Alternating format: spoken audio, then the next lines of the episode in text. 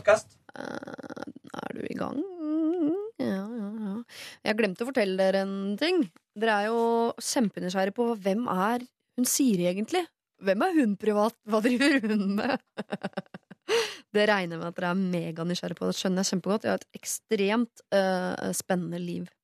Jeg kan jo fortelle uh, dere at i uh, kveld skal jeg ut og spise med tre venninner fra Son, der jeg bor. Så de er ganske ferske alle tre, da. Så da skal vi gjøre som jeg pleier å gjøre. Sette opp et slags lite show og håpe at de elsker meg i andre enden. I morgen skal jeg, nå er jeg mora mi, nå går jeg gjennom kalenderen, for jeg tenker at kanskje det dukker opp noe interessant. et eller. I morgen skal jeg spille volleyball. det er også sammen med en gjeng sykepleiere fra Fredrikstad. Vi har eh, svært lite til felles, men hygger oss i hjel og ler altså så mye. Fordi vi er ekstremt dårlig i volleyball. Men det blir spilling av det. Andre spennende ting fra livet mitt? Hmm, nei, fortell noe du, da. det går ikke, ikke sant? Det er det som er så fint. Ha det. P3. Dette er Lørdagsrådet med Siri Kristiansen. på P3. P3. God, morgen, du hører på Lørdagsrådet. Jeg heter Siri Kristiansen, eh, og vi har allerede hørt Sandra Lyng sin Night After Night. Og jeg veit ikke med deg, men jeg, jeg har veldig softspot for Sandra Lyng. Blir så glad når hun nå plutselig får singel på singel på singel ut som eh, folk elsker på radio. Jeg får den samme gleden i meg som når eh, Sofie Elise innimellom skriver noe vettugt. Altså det er et eller annet, om det er noe moderlig, eller om det er noe Jeg vet ikke hva det er, men det rører ved et eller annet i meg som, som får tilfredsstilt et eller annet. Eh, og jeg håper de også er fornøyd. Jeg tror det, altså. I, dag skal det handle om eh, problemer. Kanskje det skal handle om ditt problem i dag. Kanskje nå sitter og tvinner tommeltotter og lurer på «Ah, Jeg lurer på om mitt problem blir tatt opp i dag. Det er, eh, vil jeg tro, ganske så gøy å høre sitt liv bli diskutert av kjente folk på radio. Det som ofte er da, når vi får inn problemer, er at vi får inn et problem fra deg, og da får vi din versjon av dette problemet. Og et problem har jo alltid minst to sider. Ja, jeg vet det er en klisjé, men det er fordi det stemmer. Det har minst to sider til enhver eh, tid. Men stort sett så får vi bare presentert den ene siden, og de få gangene man er i stand til å se den andre siden, så bagatelliserer man den. Eller den er overhodet ikke representert. Og da sitter vi her da i Lørdagsrådet, og så finner vi opp den andre siden av problemet. Og da gjør vi den ofte verre enn den egentlig er. Vi legger til ting som overhodet ikke fins i det problemet. Og så er det ikke sikkert du får nødvendigvis akkurat det rådet som er sånn 100 skreddersydd til eh, deg. Men det som er så fint, er at du har jo muligheten til å også gi oss den andre siden levert fra den andre siden. Og det gjelder jo ikke de problemene hvor det er noe du gruer deg til å si, og så videre, for da har du allerede måttet løst ditt problem hvis du tar med deg den andre siden inn i problemløsningen osv. Men la oss si det er et par da, som aldri blir enige om hvor skapet skal stå. Eller det er venninner som aldri blir enige om hun tredje venninnen. Eller det er du og moren din som aldri egentlig helt blir enige om det greiene pappa driver med er greit eller ikke, osv. Hvis dere er to som har ett problem dere ikke blir enige om, ja, så kan vi i Lørdagsrådet være de nøytrale partene som legger våre tunger på vektskåla og endelig få satt et punktum i den eviggående debatten i ditt eh, liv. En sånn skal vi ha i dag, det vet jeg. Vi skal eh, ringe til et eh, par som er eh, veldig, veldig uenig om en ting i sitt eh, liv. De skal få presentere hver sin side av problemet, og den ene skal eh, i hvert fall få følelsen av å gå seirende ut av den debatten. Men det som er, da, at selv om den ene seirer sånn i praksis, så har de seiret litt begge to, fordi begge to har lagt ett problem dødt, og dermed er forholdet summa summarum litt bedre allikevel. Lørdagsrådet På P3. P3. Amrita var en adoptert jente som eh, ikke hadde andre elementer i livet sitt enn selve navnet til å minne henne om at hun hadde et annet opphav enn det hun kunne identifisere seg med. Hun var usikker på om hun skulle beholde navnet Amrita i det hele tatt. Hun var lei av å bli stilt spørsmål hvor det kommer fra, og bli satt i situasjoner med eh, fremmede hvor hun følte seg tvunget til nett, nett, nok en gang og måtte fortelle om at ja da, hun er egentlig adoptert, osv. Skulle hun bytte ut dette navnet, eller vil det være et eh, svik mot sitt opphav? Hva vil folk, eh, vil folk stille spørsmål rundt det nye navnet, osv.? Eh, Solveig Kloppen, Erik Solbakken og Torbjørn Røe Isaksen var rådgivere den gangen, og her er nåden av rådene de ga. P3. Er jeg, jeg, altså, jeg er 100 sikker på at uh, hun kommer til å angre på det. Altså, hun har jo veldig lyst. Og det Ja. hun sier er at hun har egentlig lyst. Er det, er det et forræderi mot hennes opphav hvis hun bytter navn? Nei, det er det jo ikke. Er det ikke et godt forslag det hun selv kommer med, at, man, at hun får et Kan hun ikke få et nytt eh, Kan hun ikke bruke, bruke Amrita som et mellomnavn, da? Og så få et uh, kalles, få et, Gunna Merita. ja. liker det navnet veldig godt. Veldig jeg liker det mye mer enn Anita. Det beklager alle dere Anitas der ute. Merita er et bra navn. Eh, Jeg har en venn som heter eh, Karsten blant venner. Philip hjemme. Dette er Lørdagsrådet På P3. P3. I etterkant at vi diskuterte dette her i Lørdagsrådet, så fikk vi en mail fra eh, Amrita, som hun da fortsatt het. Den har jeg lest for allerede, men jeg tenkte jeg skulle lese den eh, igjen.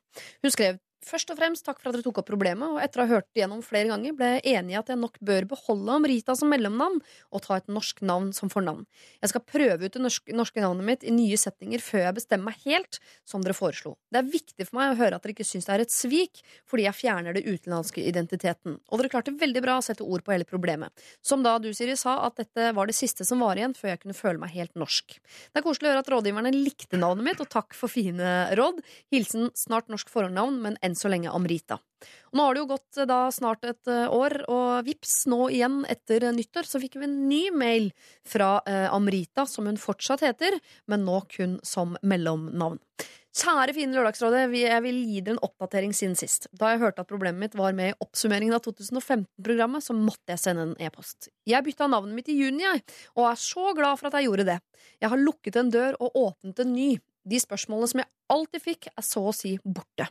Familie og venner stilte spørsmål én gang, ikke noe mer. Noen stilte ikke spørsmål engang fordi de forstår hvorfor jeg har byttet navnet mitt. Jeg gjorde som dere foreslo, tok nytt fornavn, men bruker Amrita som mellomnavn. Takk for at dere hjalp meg med mitt største valg noensinne. Dere er eh, gode. Ah, Det er veldig godt å høre at det går så bra, at noen går så konkret til verks og faktisk ikke bare liksom tar inn over seg en løsning, men setter den ut i livet og bruker den, og så fungerer det. Dette er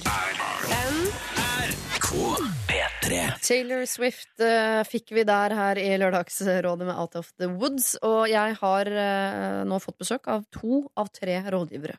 Linnea Myhre, du har klart å komme deg opp av uh, senga og hit til Lørdagsrådet. God morgen. God morgen. Alltid, alltid for tidlig ute. Alltid for tidlig. ute. Ja, du kom faktisk Ja, du kom etter Torbjørn Røe Isaksen. God morgen. God Morgen.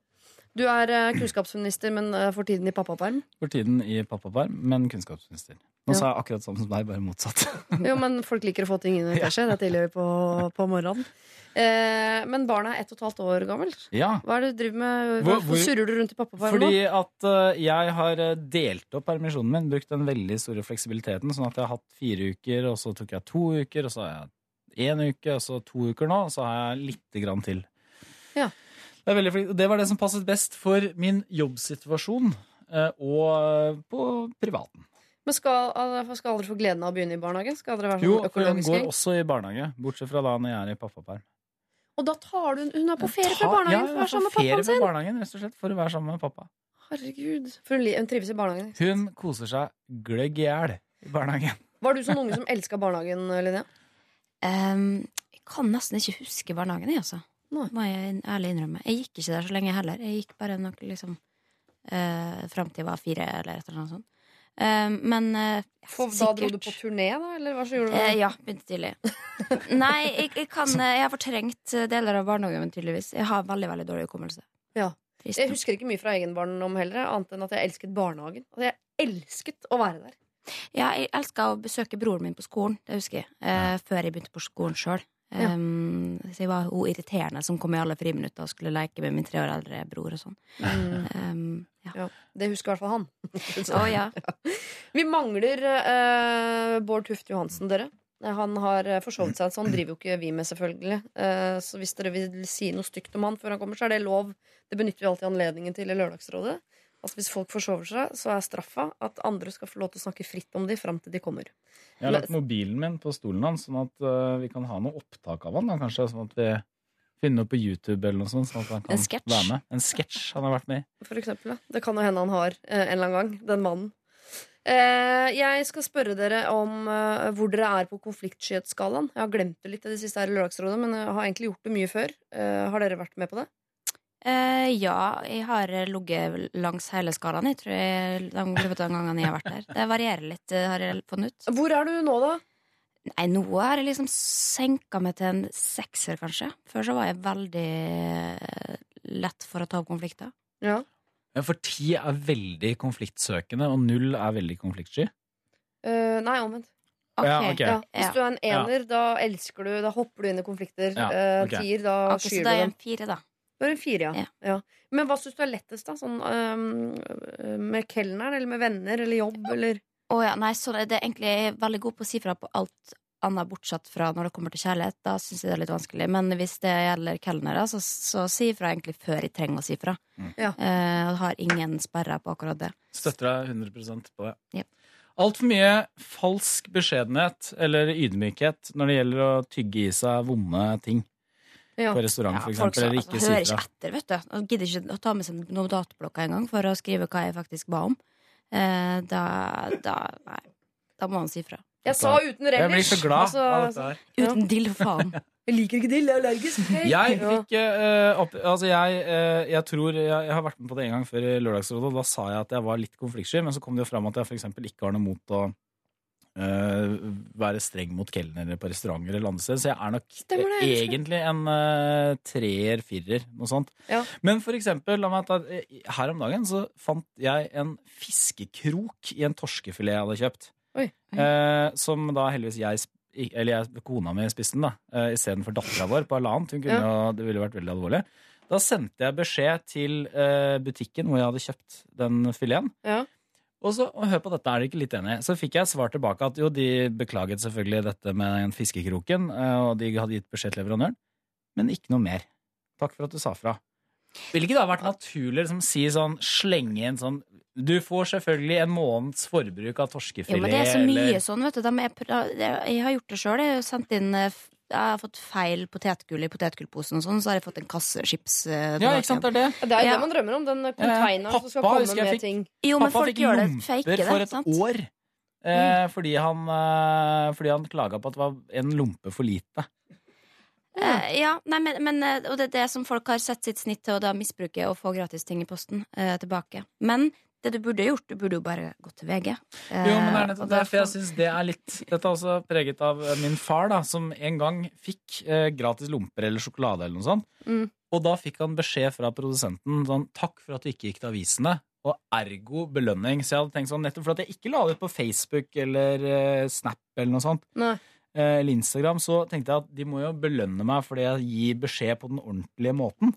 Og hvert fall når Det er en fiskekrok du, du- i eh, fisken. Du sendte fra stortingsmail, ikke sant? Nei, du skrev hilsen. Øh, jeg gjorde Gmail, ikke det. liksom? Jeg sendte fra kona mi sin eh, e-post. Nerd. Jo, men jeg, hadde ikke, jeg har ikke lyst til å bli innblandet i kontrovers eh, som personlig. Du må jo eh, sende fra den mailadressen som virker skumlest fra Ja, mottaker. Ja, altså var det veldig mildt formulert òg, for jeg tenkte at jeg trenger jo ikke å være urimelig, så jeg formulerte det sånn ja, dette kan jo, Sånne glipper kan jo skje, men jeg syns det er viktig å si fra. Det det var kanskje ikke streng nok, da. Det, jeg, det jeg likte her, var at jeg tenkte sånn Har det virkelig Fins det fisk i butikken som har blitt fiska med krok? altså Har det stått en fyr og, og fiska torsk med krok? Eh, som vi forberedte. Trodde alt var med sånn eh, som ble bare hevet opp Garn. Sånn, med Ja. eh, garn fra eh, sånn mottak, eller hva heter det? Ja, Eh, hvor man har masse fisk i innhegning. Ja altså, opp, Jeg vet faktisk ikke. Dette vet jo Bård eh, mye om. Hvis siden nå han ikke skulle vi er hatt her. han her. Han skulle vært her, ja. Men det er du som er kunnskapsminister. Da skal du vite alt. Alt. Det er det Absolutt eh, alt. Ja, ja. Eh, Sivil status av dere, har det skjedd noe eh, der? Eh, Torbjørn, jeg trodde jo når du kom hit i dag og snakket om pappapermen, sånn at du hadde eh, fått barn nummer to. Mm. For du snakket om dette med at du akkurat blitt pappa nå i, i årevis, føles det som. Men, men det er fortsatt bare ett barn. fortsatt bare ett barn. Og fortsatt gift. Og fortsatt gift. Med den samme eh, kvinnen. Er det flere barn på vei? Eh, ikke som jeg vet om. Nei. Ikke med meg involvert. Nei. Eh, bor dere Vi eh, bor i hus i, Telemark? Porsgrunn og har en leilighet i Oslo. Fordi at det er her jobb er. For du fikk ikke solgt den der eh, rønna på Sagene? Jo, jo, Ja. den er solgt. Vi har ikke den rønna på Sagene. Men det er eh, staten stiller en leilighet til disposisjon for oss eh, regjeringsmedlemmer. Blir du hentet i sånn sort bil med sota ruter i Porsgrunn og kjørt helt til Oslo? Hvis hvis jeg er vil, eh, ja. Herregud, for en stor kar. Ja. Jeg har lyst til å bli minister, jeg. Ja. Hvordan minister kunne Linnea blitt? Eh, kanskje utenriksminister. Ja, kunne du tenke deg det, Linnea? Typisk meg. En sånn kommunal- og samordningsminister, kanskje. Fint. Hva er det for noe? Det er kommunal og du driver med kommuner og samordning. Kommunale ting. Ja. Ja. Spennende, spennende. spennende. spennende. ja. Eh, Siste spørsmål om sivil status på deg, Torbjørn. Eh, kona di, er hun også fra Porsgrunn? Eller er hun Nei, som har, hun er fra Buskerud. Så hun har flytta dit fordi du er derfra, men Ja, du er der ja. nesten aldri selv, for du er bare Nei, i men Oslo? de, vi bor da i lag i Oslo også. Men er vi har et hus i Porsgrunn. Ja, det er godt å høre. Okay. Eh, Linnea, hvordan er det med deg igjen? Eh, leilighet og alt det greiene der? Jeg har eh, bor med min beste, bestevenn eh, i Sånn. Oslo, og så Ja. har jeg kjæreste som bor i New York. Som er fram og tilbake. Altså, du er i avstands, klassisk avstandsforhold? Ja. Ja. Eh, jeg, tror, altså, jeg, tror ikke vi har noe avstandskjærlighetsproblematikk til deg i dag. Det er jo egentlig noe det burde jeg tenkt på, at jeg skulle ha gravd i innboksen Ja. for å finne det. Det kan jeg litt om. Ja, det Men, kan du eh, litt om. Men du har jo sagt tidligere at det faktisk er ganske uproblematisk.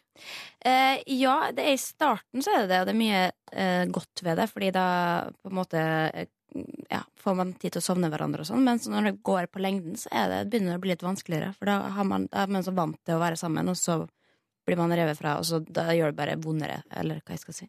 Ja. Men du vil ikke flytte til New York? Nei. Nei. Rett og slett. For det, det er veldig få som ikke vil flytte til New York, er det ikke? Jeg kunne sikkert bodd der i en periode på tre måneder, liksom, men jeg, jeg liker ikke amerikanere. Ah. Eh, Jeg skriver under jeg er eh, Men amerikarasist. de New York-folka er jo ikke, de er jo ikke amerikanere. De er liksom en egen kategori. Jo, men de er så overfladiske. Og de, altså, det, er, det er ikke noe for meg der. Jeg, må, jeg bruker liksom tre år på å skaffe venner i Norge. eh, Og hvis jeg da skal ha en ordentlig venn i, i New York, så trenger jeg Ja. Så jeg er ikke helt motivert uh, for det. Men jeg kunne veldig gjerne ha bodd i LA. Det har jeg Ok. lyst til. Ja. For jeg tenker at LA, LA er liksom skikkelig sånn Det tenker jeg er veldig overfladisk. Mens jeg tenker New York, det er litt mer sånn uh, kultur og ja, det har kanskje litt noe med Hipsters. varmen å gjøre. Sier de ikke at eh, San Francisco er den mest europeiske byen i Amerika? da? Jo, men LA er jo den minst, kanskje. Ja, ja, det er, jo ja. Ikke sant? Jeg skulle jeg bodd i Amerika, så hadde det vært øh, øh, Altså hele kontinentet Amerika. Da Da skulle det vært så langt nord som overhodet mulig. Vi snakker Alaska, liksom. Ja. Anchorage. For du kan ikke få Sånn nok kulde fra her i Norge. Uh, heller kulde enn sånn amerikansk svett varme. Altså. Og da, det snakker jeg om på så mange plan. Ikke bare det, det som kan måles i temperatur, men uh, i sånn mellommenneskelig Jeg orker ikke å snakke med folk på bussen. Jeg. Nei takk, sier jeg til det. Jeg orker ikke det. Det er 70 for så vidt. Perfekt land for deg, Det. Jeg kunne ikke bodd noe annet sted enn Norge. Da. Jeg er uh, gjenfødelsen av uh, den norske spire. Dere, uh, la oss la det ligge. Vi skal eh, straks ta morgenens første problem. Håper Bård Tufte eh, rekker å være med oss eh, på det. Vi skal nemlig ringe til et eh, par eh, hvert øyeblikk hvor den ene forbeholder seg retten til noe den andre syns er eh, flaut.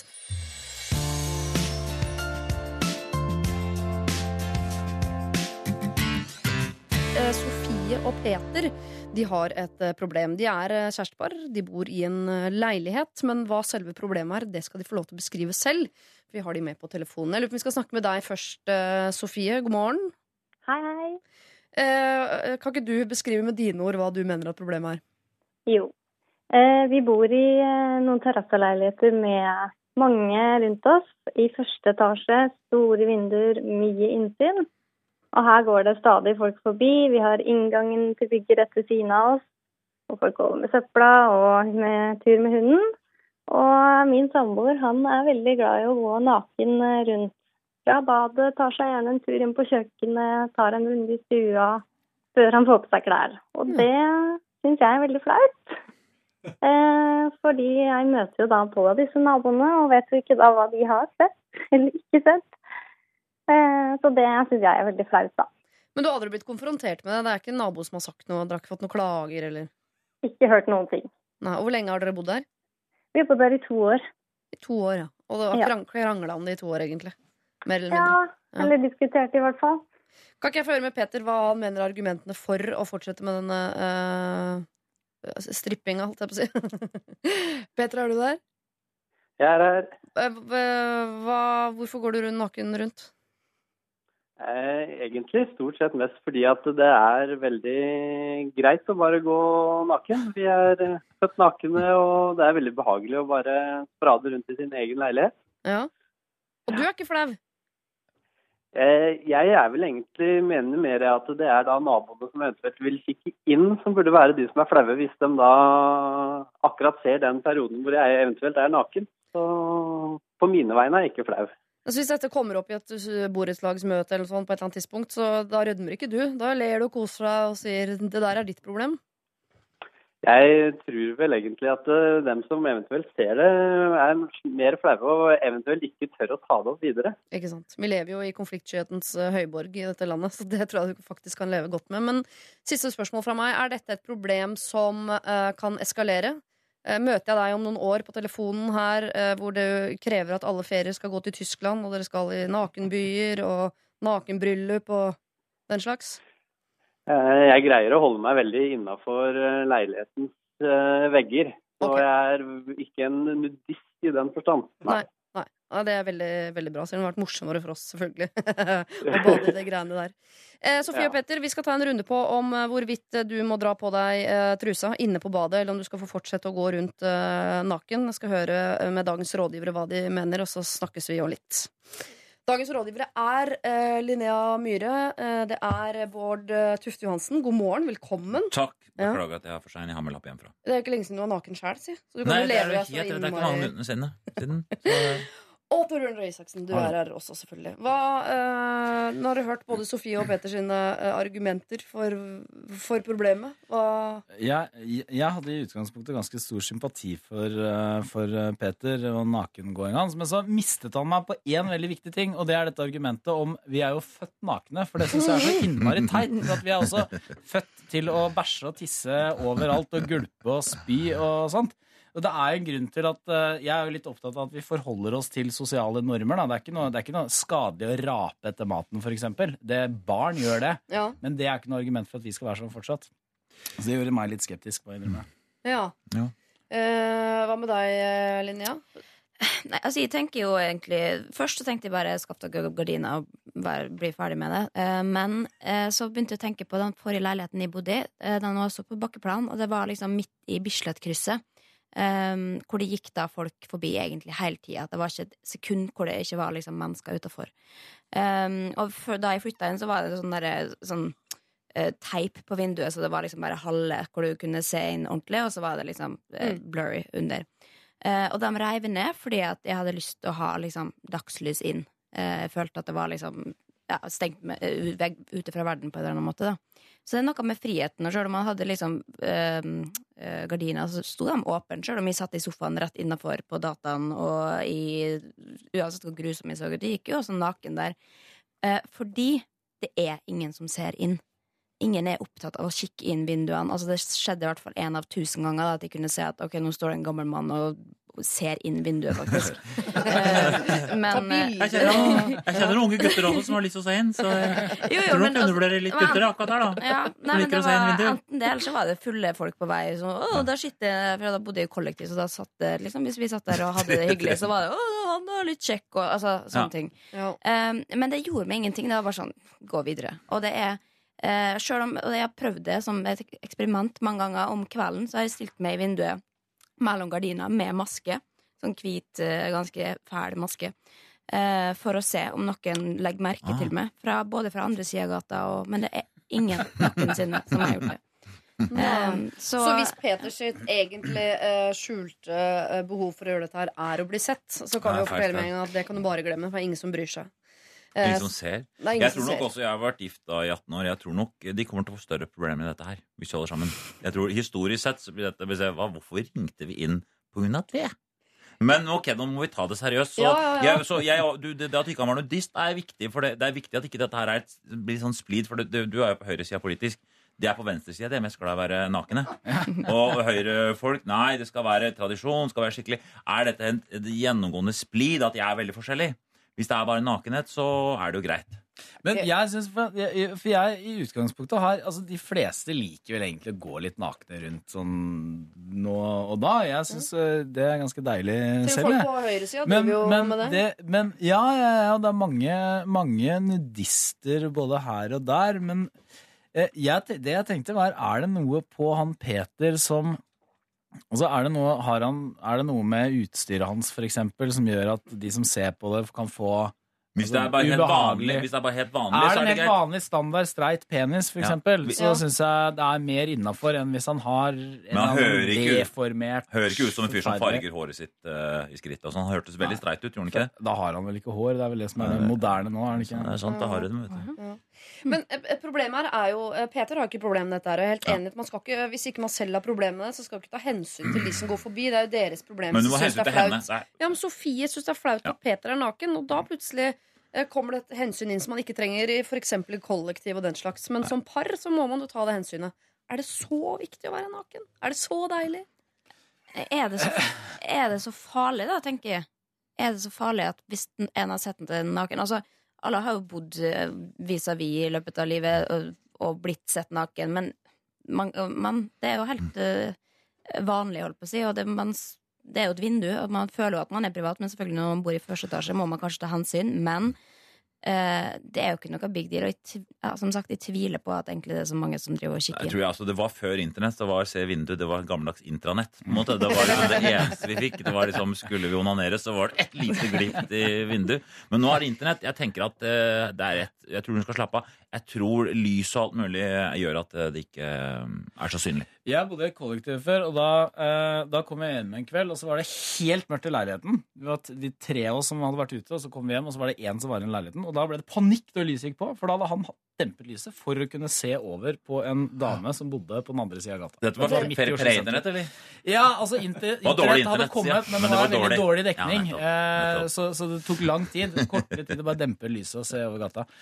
Um, men jeg syns jo eh, Siri har et veldig godt Eller både Siri og Bård har et godt poeng, og det er at han må jo, om han liker nakenhet Og det er ingen som tar skade av å se en naken fyr Det gjennom vinduet. Det er bare artig krydder i nabolaget. Så, Ja, ja, ja. Men, men hvis hun syns det er veldig flaut, så går det kanskje an å kompromisse med en liten Altså går det ikke an å ha på seg et lite håndkle eller en liten bokser eller noe sånt, da.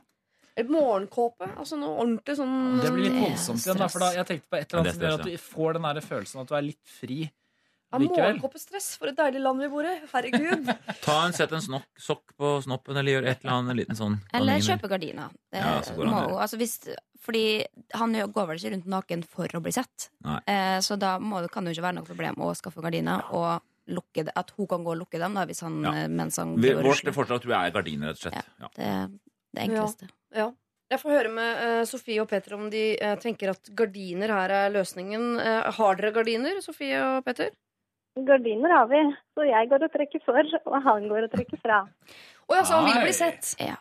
Peter har et eksponeringsbehov. Han er på uh, sånn uh, peakshow han hele tiden. Hele døgnet. Det går Kanskje. egentlig mest på at uh, leiligheten vi har, har vi kjøpt pga. utsikten. Og da skal penisen få se på Oslo, den også, ikke bare deg. Det er greit at du får nytt. ser, liksom, se på penisen, da. Bort til Galgeberg og bortover der. Og. Men hvor mye utsikt er det i første etasje? Hva er det Det er ser? veldig bra utsikt. Det er det, ja. Vi ser eh, hele byen. Det er god utsikt og innsikt, for å si det på den Ja. måten. Ja. Men kan Ja. du leve med uh, Peters nakenhet uh, når du nå på en måte har fått høre at det er ingen som ser det, og de som ser det, er jo som kjent konfliktsky og kommer aldri til å bringe det opp? Ja, det er jo for så vidt det jeg har fått høre, da. Det er Ja. ingen som bryr seg annet enn meg. Ja, men det er viktig det å ta det opp. Kan du klare å slutte med det og bry deg? Jeg kan prøve. Men det Vi kan ta på kunne, en bokser, kanskje. Kanskje, kanskje, du, kanskje du kunne gått litt naken rundt sammen med Peter, så det ble noe dere delte? ja, ikke sant? Da blir det den snakkisen. Jeg tror du skal holde igjen som et anker her, Sofie. Hvis ikke så vil Peter til Tyskland på sånn nakenferie. Det, eh, selv om han sier at han ikke vil det, så uh, hører jeg på Peter at det vil han. Hvis du blir med på laget her om noen år. Så ja, gardinene får være der de er. Dere bor der jo tross alt pga. utsikten, har vi jo nå uh, lært. Men uh, Sofie, du må altså lære deg å leve med Peter sin nakenhet. Men hold igjen! Vær et anker, så ikke dette eskalerer, for da kan det bli litt plagsomt.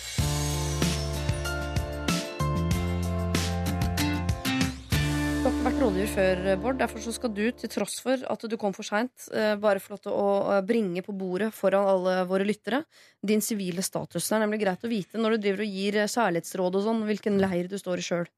Eh, Jeg har eh, gift, vært gift i, siden 97. Ja. Har to Da var jeg russ. Tenk på det. Tenk på det. Ja, ja, ja. Hadde det vært i Nord-Norge, så hadde jeg vært gift, da. Men det, det, er, det gjorde det ikke. Eh, og så har jeg to barn. Ja. Og en hund jeg holder så vennlig kjær. Og hus og garasje og alle de tinga. Ja. Eh, Mer enn barna, hørtes det ut som. Nei da, det er bare en slags Hva slags hund er det, da? eh, Da må vi ta en egen sending på det. Så det kan vi ikke snakke om. For det er en blanding av så det, mange hunder at du er rekker ikke å si det. italiensk fullhund. En italiensk fullhund? Ja. Mm, som heter Spinone. Spinoni. Spinoni. Ja, okay. Jeg har hørt om irske fuglehunder. Det er kanskje setter det. Betyr Ja. det noe på italiensk? Betyr det sånn Ja, det betyr tøyelig? Artig Eller? at du spør. Det betyr Ja. torne. Den har veldig tjukk pels og, eh, og, og, og avler fram i Toskana-området. Gå gjennom kratt og busker. Jage opp fugler. Bruker Som mennesker jakt, skyter. Nei. Nei, bare kos. Bare kos og tur. Kos og tur. Ja. Ok, men Da vet vi om Ja. du bor i enebolig et eller annet sted i Bor i bolig i. Oslo, på en øy som heter Ormøya. Ja, Ja. Du har kommet deg ut dit, ja. Ja, kom meg ut hit. Må du ta ferje, da, eller? Eh, nei, det er en bro. Det er en bro? men det bro. var ferdig i gamle dager. Så det var tidligere rikfolk i Oslo som hadde sånn sommerhus der. Ja. Og din, hvor ligger du på konfliktskjøtskalaen? Uh, hæ, tenker du kanskje? For Jeg, jeg- jeg er skala jeg har ikke sånn selv. litt konfliktsky, men så plutselig så kan jeg Så, så smeller det til at der er- sier jeg rett ut ganske iskaldt. Ja. Men Så- er du eh, mest komfortabel med å ta det med eh, de du elsker, de du jobber med, eller de du treffer i Nei, det er vanskelig å ta med de man elsker, er vel kanskje mer touchy. Men jeg tok personlighetstest, eh, som Harald alltid tar med alle vennene sine. Jo, ikke sant? Og Ja. da fant jeg ut at jeg er opptatt av at gruppa skal ha det bra. Og Ja. han sa, han som tok uh, personlighetstesten, du kommer aldri til å bli sjef i Statoil. Sånn. Og så sa jeg. Men det er at jeg er litt opptatt av at gruppa skal ha det bra, mens en eh, sånn næringslivsleder må være sånn ener og bare ta beslutninger. Og sånn. Jeg er ikke sånn. Så jeg er sånn som nå med dere. Jeg er veldig opptatt av at vi skal ha det bra sammen. Så eh, Harald kunne blitt leder i Statoil. Kunne du vært HR-sjef eller noe Ja, sånt. det, det, det kunne ha vært Det har blitt mye oljesand. Ok, men Da har vi tre eh, rådgivere her i dag som alle er eh, minst komfortable med konflikter der det er kjærlighet involvert. Så det er jo greit å vite når vi nå skal gi oss ut på problemet fram til klokka tolv. Vi skal treffe Selma, som er eh, fast Lørdagsrådet-lytter. Hei, Selma, sier jeg til det. Denne høsten har jeg vært gjennom et brudd av verste slaget. For min del, vel å merke. Langtidsutroskap uten at jeg hadde en anelse, og det har satt sine merker i selvtillit og virkelighetsoppfattelse. Jeg følte meg langt nede og lurte på hvordan man i det hele tatt kan være glad. I løpet av høsten fikk jeg god hjelp fra venner. Jeg fikk høre at det kan være godt å snakke ut om hvordan man har det, og jeg prøvde å følge dette rådet. Litt tilfeldig var det en venn som befant seg et brudd selv, og dette førte naturligvis til at vi snakket en del sammen. Helt rent på en vennskapelig tone. Til nå. Ved et uhell, les alkohol, endte jeg opp med å gi et kyss til min venn. Det føltes ikke riktig, noe vi begge spøkte med umiddelbart etter kysset, og vi lo det bort. Men nå har tonen blitt en annen når vi snakker sammen. Han sender meg stadig meldinger av flørtete karakter, hver dag faktisk, og jeg svarer så godt jeg kan på en ikke flørtete måte, men meldingene fortsetter å poppe inn fra min venn. Jeg vil gjerne fortsette vennskapet, men jeg finner ikke en god måte å si ifra på. Er det best å la være å svare han eh, til han skjønner tegninga, eller må jeg faktisk krype til korset og stave dette ordrett ut? Hilsen Selma. Her er det jo en, eh, antageligvis noe kjærlighet involvert, om ikke begge veier. Hva tenker dere at Selma bør gjøre her? Er min, min første hunch er at hun skal hvis, hun er, hvis vi tar det for gitt at hun hun kan jo si at, Jeg mener hun skal si at du, jeg er ikke klar for et forhold. Det er Bruddet har vært for hardt for meg. Jeg kan ikke gå i et nytt forhold. Så jeg håper ikke dette skal bli problemer. Og hvis jeg har misforstått så signalene, så sorry. liksom. Jeg tror det er det, er det ryddigste. Det er deiligst for han å vite. Men han småflørter litt, og så skal Selma eh, klinke til tilbake med 'jeg er ikke klar for et forhold'. Det, er veldig, det kan oppfattes litt innbilsk. da. Det er det. det er, Ja. Men det er jo ganske fint at hun allerede nå har oppdaga det. Fordi når man akkurat har gått ut av forholdet, så blir man jo ganske gæren av Og så tror man at man er forelska i alle fordi man bare er et følelsesmessig vrak. Um, så at hun allerede skjønner at dette her er bare ikke sånn fordi jeg ikke visste bedre, på en måte, og nå tar avstand, um, det er jo et klart nok tegn på at dette skal ikke bli noe. Så uansett hvor hardt hun prøver, så eh, kommer ikke det til å, å bli et et forhold som kan være romantisk, da, tenker jeg. Så jeg, ja, jeg ville ha sagt fra. Men eh, jeg skjønner at det kan være vanskelig. Men det er, jo, hun har jo, det er jo to ting hun gjerne vil oppnå her. For at hun vil jo ikke bare eh, si fra til han at det ikke blir noe forhold, men hun vil beholde vennskapet. Ja, det. vennskapet, og det er jo det som er vanskelig, for at Ja. da vil jo han føle seg Altså, Gitt at han er forelska, da, eh, på en eller annen måte, eller interessert i noe mer, så vil jo han føle seg avvist. Ja. Og hvordan skal de da finne tilbake til det vennskapet de en gang hadde? Eh, sannsynligvis går det ikke an. Men hadde ikke det vennskapet sorry, men vært litt over uansett den dagen de fikk seg en ny kjæreste? Er ikke dette et midlertidig vennskap tuftet på at de begge er i kjærlighetssorg? Ja. Kan ikke bare la den båten Jo, seile av det, gårde? det, det kan jo Ja, det vil jeg tro. Men jeg, jeg, hvis, la oss si vi tenkte et tilfelle av hva man ikke er forelska i henne. Mm. Hvis du nå Siri hadde sagt til meg Bård, ja, men beklager, jeg er ikke forelska i deg. Så hadde jeg- Du sender meg veldig lange blikk, Ja, liksom. men så hadde ikke jeg tenkt Å, fy søren, nå fornærmer fornærmer meg, for det trodde jeg var det. Da hadde jeg bare sagt nei, men det er jo bra, for det, det er jo, vi er bare venner. Ja. Så jeg tenker ikke at den faren er så veldig stor da, på, på at uh, han er sånn Å, trodde du jeg var det? Hun vil, med det signaliserer hun bare Jeg har lyst til å ha deg som venn. Ja, i hvert fall hvis hun er legger trykket der. Mm. Og pass på å legge trykket der Men hva om man er kjempeforelsket? Da Da blir jo et vennskap ganske vanskelig etterpå. Hvis Da den går det ene er ikke uansett. megaforelska og den Nei, andre det ikke. ikke. Det er jo det han tror hvis han akkurat har kommet ut av forhold. Du kan, han greier jo ikke finne Altså Man fi- vil finne en å erstatte med uansett, eh, vil jeg tro, men, men det er jo veldig sjelden riktig. Eh, Hvis vi skal tro på TV og film Det gjør eh, Hvis han er veldig forelska, så er det eneste, og hun ikke er det, så er det eneste måten dette kan gå på, det er hvis hun da møter en f- ny fyr. Han er en drittsekk. Så skjønner hun at hele veien så var det han solide som har vært forelska i meg, som jeg ville ha. Og så ender det opp at de er sitter på en parkbenk og leser en bok sammen. eller noe sånt Først er det noe annet, men kan hun prøve sånn er Det har jeg aldri jeg prøvd av Tinder og sånn, men kan hun være sånn du, du må sjekke Tinder, kan ikke du gå og date noen og finne noen en ny dame til han og prøver liksom Mm. signalisere henne, signalisere eller er det bare som å såre? Hva tenker du, Linje? Er det tart? Ja, det må man ikke gjøre. Det, altså, Nei, det er jo ikke hennes ansvar heller å finne en ny dame til han. Eh, hun er jo i samme posisjon sjøl, og hvis hun ikke har lyst på en ny kjæreste heller, så, så vet man jo det at ok, um, vi er på hver vår vei til et eller annet, men ikke inn på et nytt eh, kjærlighetsforhold. Så jeg tror ikke at det er ideen, fordi da, det, ja, som sagt, det er ikke hennes ansvar. Men jeg har fått et uh, tips uh, mange ganger opp igjennom i mitt uh, liv. Hvis det er Ikke mange ganger, for det er ikke så mange ganger at noen har vært forelska meg uten at jeg har vært forelska tilbake. For å være helt ærlig Men var i en situasjon hvor en fyr var forelsket i meg. Jeg trodde vi var venner, og da, og da blir det jo sånn at man syns han er ekkel. Å ja, så når du er hyggelig, så er du egentlig keen. Og da var tipset fra andre gutter at uh, du må dele mest mulig med han, sånn at han ikke klarer å se på deg som noe, annen, noe annet enn en venn. Du må dele masse hemmeligheter, må snakke masse om gutter. Ja. Og må bare gjøre deg, altså, du må gjøre deg så lite Ja. mystisk som overhodet mulig, for da, da vil ikke han være forelsket i deg lenger. Så hvis Selma de har jo tydeligvis snakket om mye allerede, men kanskje hun nettopp skal det da dele enda mer hemmeligheter, bli enda mindre mystisk, og nettopp ta opp Tinder, som de sier, Bård Tufte. Men ikke for å tipse han, men bla inn en sånn Hva syns du om han her, Ja, da? sånn, han her, sånn, da? Er sånn. han noe for meg, kanskje? Da må jo han til slutt skjønne.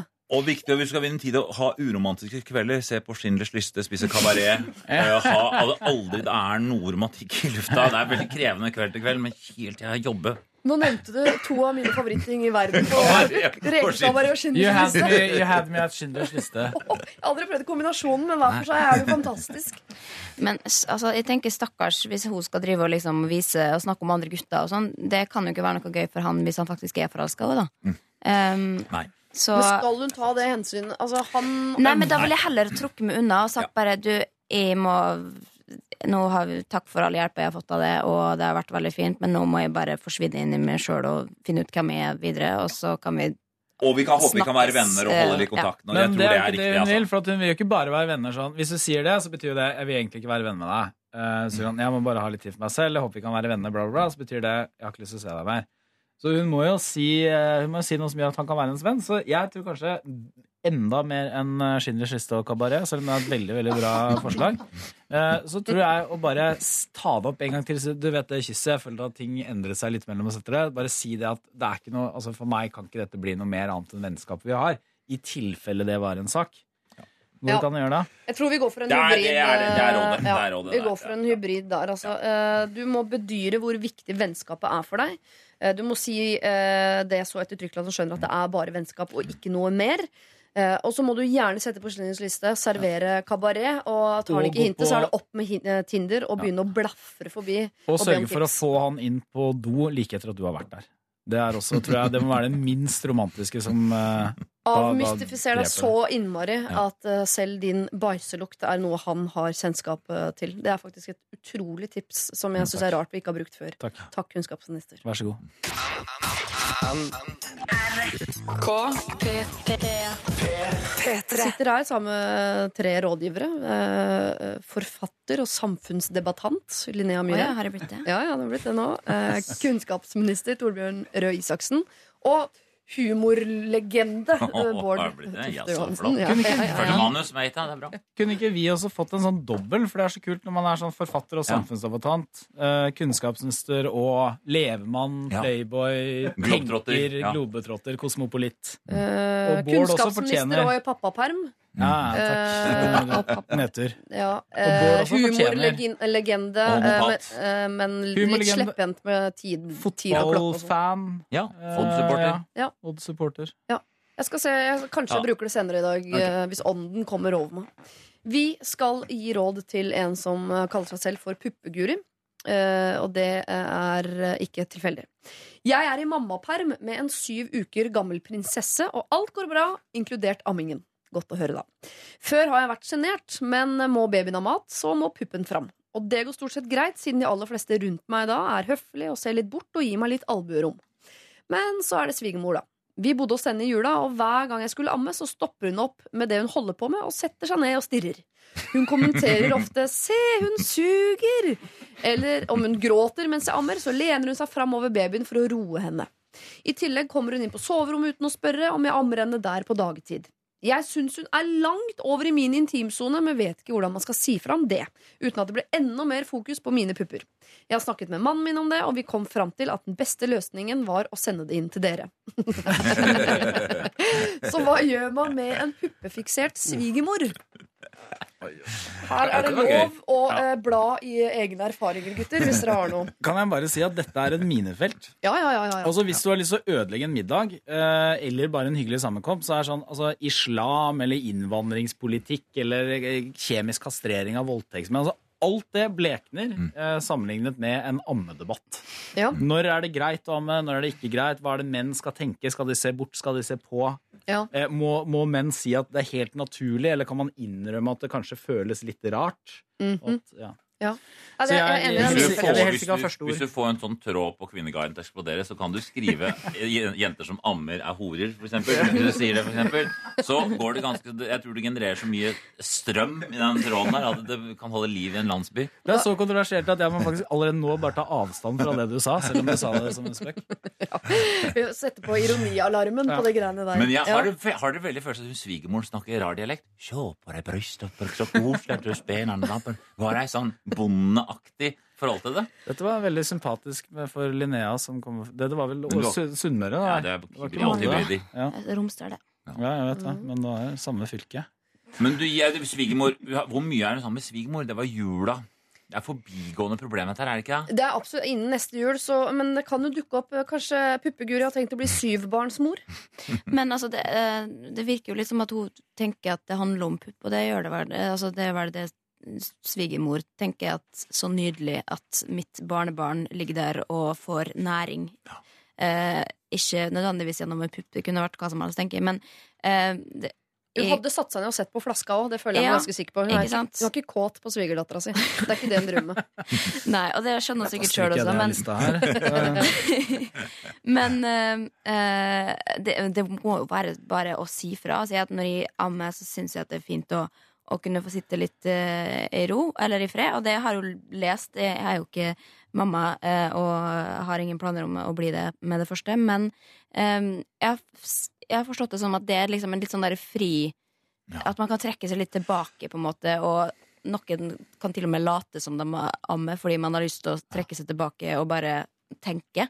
Ja. Uh, og da skal ikke svigermor følge etter eh, og sjekke at Ja. det er det som faktisk Ja, skjer. for Puppeguri har jo sagt fra her ved at hun går inn på soverommet og Ja, ja, ja. ammer. Det er å si fra, men svigermor er uh, tydeligvis ikke Ja, for hun så smart. føler at de er eh, Jo, men altså, jeg, jeg lurer på om dette egentlig ikke er et ammerelatert problem. Eh, At det egentlig er et svigermorproblem. Et klassisk svigermorproblem. For at Ja. jeg er helt enig, altså Normalt så vil man kunne si fra sånn Hvis det handlet om amming, så vil man kunne som, stå opp og si fra. Men hvordan sier man fra til sin svigermor om dette? For det er jo åpenbart at svigermoren vil jo sikkert bare godt. Hun vil hjelpe til med barn og kjæle, og så føler hun sikkert at vi som kvinner vi kan ikke være sjenert over hverandres kropper. Vi har ikke noe intimsfære.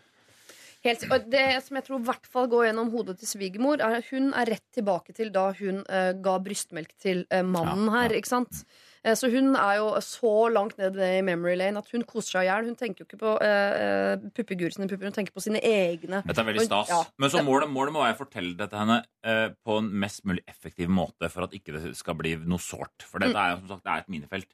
Så kan poenget være oss å prøve å si sånn Du, jeg går inn og ammer. Jeg tror det er ålreit at vi sitter litt i fred, for barnet blir litt forstyrra eller rolig av det. Skyld på Jeg barnet. tror det er viktig å bruke For det er ikke noe jo. om du hvitløgn. Du skal jo beholde henne borte. Ja. Om hun tror at hun gjør det for barnets skyld. Og det er Så- helt fett. Ja. Men hvis hun ikke tør å si fra til henne direkte, da kan man ikke da Altså åpne en samtale i et uh, middagsselskap eller og faktisk ta opp amming. eh, og hvor man da kan plutselig si Jeg syns faktisk at det er litt eh, fint å sitte alene. eh, og at liksom mens svigermor sitter der og kanskje forhåpentligvis tar hun det inn. Og si sånn Det beste tida på døgnet er når jeg sitter i fred og ammer. Ja, sier sånne ting.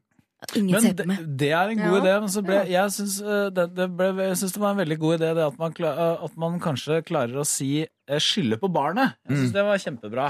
Man bruker jo barnet Eller den syv uker gamle prinsessen. Ja. At man sier sånn Jeg merker du, Det er jo kjempekoselig når vi deler litt Når du er interessert i ammer og sånn, men så merker jeg at Sofie, eller hva hun heter for noe, hun barna da, Prinsessa. Lille prinsessa. Mm. At hun biter litt ekstra, at hun blir Det virker som hun nesten blir litt sånn stressa av det. Så jeg lurer på om vi skal prøve en periode Da drar svigermor fram eh, nipple bone og viser hvordan man skal massere sin egen brystvorte. Altså, jeg må bare innrømme, husker, Da jeg eh, fikk mine barn jeg har jo da, Min løsning er selvfølgelig drit i å amme, bare i flaske. Det er så mye bedre, for da kan pappa ta 50 av ansvaret, og det er en nydelig verden å bevege seg i. Eh, men da, da begynte min mor med sånn ammehistorier fra eget liv med en gang. Og hun- min mor er veldig teatralsk i måten å snakke på. Så hun viste veldig hvordan hun smørte seg når hun hadde såre brystvorter og sånn. Og det eh, for meg var en så grusom periode å gå gjennom i livet at jeg revurderte å få barn nummer to ganske lenge. Det er der med såre brystvorter det er så, Jeg husker det var en sommer hvor jeg hadde en vond T-skjorte som gnikket opp mot eh, brystvortene mine. Så fikk jeg såre, litt såre brystvorter. Ja.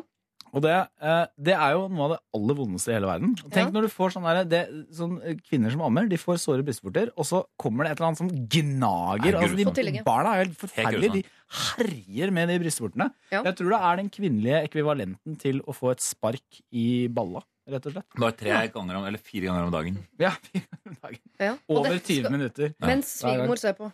Ja. Ja. Eh, Du skal være glad hun ikke tar fram kamera, for det har jeg også hørt uh, historier om. At svigermor er rett fram med kamera og tar bilder når det ammes. Uh, men dere er litt uenige her. Linnea, du mener at hun rett og slett skal uh, si fra helt sånn tydelig, mens gutta mener at hun skal skylde på barnet. Eh, men syns du hun skal gjøre det nå, eller skal hun eh, gjøre det i, eh, mellom dette barnet og det, et eventuelt neste? Hun skal begynne neste gang de er sammen. Bare si at vi, må, vi, vi liker å sitte litt i fred, for vi mener barnet blir litt urolig av det. Et eller annet sånt, så se hvordan det går. Men hun har ikke sagt, eller vi liker å sitte altså Hun har ikke sagt det tidligere. Da har hun jo tydeligvis latt henne sitte og glo. Eh, så da vil det jo være en overraskelse som hun kanskje kan ta i verst Eller altså føle seg tråkka på, på en måte. Ja, men Da kommer du inn døra neste gang og sier sånn Åh, nei, Sofie er litt vanskelig for tiden. Sånn, nå har hun blitt så urolig ved amming, og hun biter og er ukonsentrert. Og jeg vet ikke hva hun driver med Så jeg tror vi bare skal være mest mulig i ro og trekke oss Ja. unna. Eh, kan ikke du sette på noe kaffe, så snakkes vi om et kvarter? Mm. Aktig. Er ikke Og så det mens du damer med barnet, kan du lage sånn Au! Men kanskje prøve å involvere svigermor i litt sånn spørre litt sånn Hvordan var det da du ammet? eh, Sånn uten at du er nødt til å gå inn og få disse 101 ammehistorier. Ja, Hvis du er en sånn type puppeguri, så gjør for all del det. Det hadde jeg holdt meg langt unna. Jo, men dette er jo for å unngå å bli stirret på eh, og klasset på når man ammer, da. Ja, jeg bare tenker at Dette kan være eh, porten inn til helvete i forhold til at du skal involveres da i fremtidig eh, eh, hemoroide og overgangsproblematikk. og i det hele tatt. At det blir Men kan veldig jeg- åpenhet rundt kropp. Det vil du ikke. Kan jeg bare legge til en ting? At hun, Barnet er syv uker. Jeg Ja. tror veldig mye vil forandre seg om noen uker. Det er ganske nytt for uh, puppeguri å, å amme. Så det er mye lettere for puppeguri tror jeg, om fire-fem uker. Både fordi da har hun vært på kafeer, vært med rundt omkring. Det, blir, det er sikkert må jo være litt sånn Jo, men uansett, altså, skal jo ikke stem- svigermor sitte og glo. Eh, det, du skal ikke, det skal ikke Men, vennes hun kan, til. men hun, det er en ting er gloing, at hun ser litt, men at hun er borte og liksom eh, tar. Det er jo det som er det ekle. For da, Ja. Jeg, jeg synes at det, det hadde vært et enda mer sånn perfekt dilemma hvis det var svigerfar sitter og glor. Oi, oi, oi, Eh, oi, ikke sant? For at da hadde det vært noe, med noe veldig Ja. ubehagelig her. Ja. Men det er det at hun er innenfor intimsfæren. At hun er liksom borte og krafser og tafser og prøver å hjelpe til. Ja, og jeg hadde ikke tillatt om du var min egen mor engang. Liksom. Det er jo en, en intim greie, så man Ikke bør si fra. Og ikke bare fordi det er puppene, men det er liksom det er jeg og barnet. Vi deler noe. Øh, øh, Flytt deg. det tar ikke du noe med. Jeg ringer deg når jeg trenger barnepass. Faktisk. Puppeguru, du har all sympati herfra virkelig. fra både menn og kvinner og folk med barn og folk uten og i det hele tatt. Svigermor skal ikke uh, verken glo eller krafse når du sitter og uh, ammer lille Sofie. Men bruk Sofie her. Bruk henne som en unnskyldning til nettopp hvorfor dere to må være alene om dette. Om du må kjøre på litt med at hun har blitt vanskelig og urolig osv., ja, så gjør du det, men du må trekke deg unna. Og så tror jeg at du kan gjøre som Linnea sa, uh, mellom dette barnet og et eventuelt neste. Snakke om amming generelt i et eller annet middagsselskap, og bedyre hvor viktig det er denne enetiden med ditt eget barn. Jeg må bare legge til at at Puppeguri, du er veldig psykisk ustabil nå. Du er er sju uker siden du fødte, så lag en Post-It-lapp. Husk at du er psykisk ustabil. Så du har det i mente, da. For du reagerer på veldig mange rare ting nå. Og det kan du også bruke som en unnskyldning hvis Vigmo tar det ille opp. Så bruker du nettopp den kjemiske ubalansen du er i, som en unnskyldning for det. ikke sant? Du må alltid bare legge problemet over på andre enn oss eh, selv. La det være en lærdom. Dette er Lørdagsrådet På P3. P3. Vi skal ta et problem fra en som heter Anders. Han er 22 år eh, gammel og har et problem som jeg tror ingen av dagens rådgivere sliter med selv. Han skriver Jeg er student og skal dette halvåret ta et semester utveksling på et universitet i Frankrike. Jeg starter neste uke. Alle fag er på fransk, og vurderingene i de fleste fagene består av gruppefremføring. Det vil si at jeg kommer til å måtte holde rundt seks fremføringer i løpet av neste semester. Problemet er at jeg de siste årene har blitt mer og mer redd for å holde fremføring. Da jeg gikk på ungdomsskolen, likte jeg det kjempegodt, og jeg gledet meg til å holde fremføring. Nå knyter magen min seg bare jeg tenker på det. Jeg kan føle meg kvalm, fysisk dårlig, eh, eh, og dette også dagen før fremføring. Og selv om jeg har kommet meg gjennom alle fremføringene i livet mitt opp til nå, uten å bryte helt sammen, så blir jeg under fremføringen hes og skjelven i stemmen. Jeg begynner å svette, spesielt i ansiktet, og jeg får en panikkfølelse som ødelegger konsentrasjonsevnen. Det er veldig tydelig for de som ser på at jeg er veldig eh, nervøs. Det har jeg blitt fortalt av flere. Dette skjer både når jeg har forberedt meg godt og dårlig, når jeg står foran folk jeg kjenner godt, og folk jeg ikke kjenner så godt. Men store mengder er verre enn mindre mengder. Det at fremføringene mine kommer til å være på fransk foran og med andre franskmenn, hjelper jo heller ikke så mye, selv om jeg kan en del fransk, altså. Har dere noen gode ord og kreative råd til hvordan jeg skal komme meg gjennom denne tiden og disse fremføringene, annet enn å forestille meg publikum som nakne? Og kanskje til og med få tilbake gleden jeg en gang hadde knyttet til det å ha fremføringer. Jeg er sikker på at mange andre lyttere også kan ha nytte av disse rådene eh, på dette området, så tusen takk på forhånd. Anders 22. Og jeg vet at Bård Tufte Johansen, du har ikke noe problem med å stå foran folk og prate. Torbjørn Øre Isaksen, du har det ikke. Eh, Linnea Myhre, jeg vet ikke. Du også, kan du stå foran folk og snakke til folkemengder? Eller er det Ja, ja, mest i det er skriftlig ikke noe problem. Ikke noe problem. Men jeg opplevde at han har et skikkelig problem. Jeg har skikkelig vondt av han. Ja. Jeg kjenner bare åh, så grusomt. Men det første man må skjønne med det der, der, er at det er en fobi på samme måte. Altså, Jeg er ikke så glad i fly. Det er helt irrasjonelt. Det er veldig trygt å fly. Men jeg får akkurat de samme tegnene no- av og til når jeg flyr. At jeg blir nervøs, hjertebank, alt mulig sånt, for jeg tror at jeg skal dø. Ja, jeg skåler. Uh, og det er, det er veldig vanskelig å gjøre noe med det, for at det er, men så, uh, for at det er rett og slett en sånn irrasjonell fobi. Altså det, det kommer jo ikke til å skje noe fælt. Men det er jo noen Ja, jeg mener at flyskrekk er mer rasjonelt enn dette. da, Fordi eh, Å framføre kan du faktisk ikke dø av. Eh, fly er jo en vits sjanse for at man dør. Eh, Men, men eh, det- dette kan gå dårlig, da. Det kan det jo. det kan gå dårlig. Ja. Men Ja. det blir det samme som å sammenligne det med edderkoppfobi. altså, For du kan jo ikke dø av ed- edderkoppbitt. Nei, jeg mener at Eh, flyfobi er en mye mer reell eh, fobi enn Ja, ja, ikke sant? Ja. Men, men uh, edderkoppfobi og flyfobi er jo den samme type form for skrekk. Absolutt. Uh, og man får jo fobi av en grunn fordi Ja, uansett. Jeg syns bare jeg min har- er smartere. Det er det eneste jeg vil si. ja, men det var det jeg kom på, jeg, så derfor avbrøt jeg meg sjøl. men eh, jeg har et råd som jeg veit at funker, og det er hypnose. Det har du nevnt før. Jeg har, eh, jeg har gått til hypnotisør sjøl for flere ting, eh, og han har tipsa meg om Eller han, liksom, når han forteller om hva han kan gjøre, så er det veldig ofte at han sier at ja, folk som, har, eh, som er ledere, og som har store problemer med å snakke foran en folkemengde, eh, kan liksom bli sikrere på seg sjøl og ja, distansere seg for den frykten mot å snakke Nei, for store folk. du trenger ikke bli filma sendt på TV3 heller.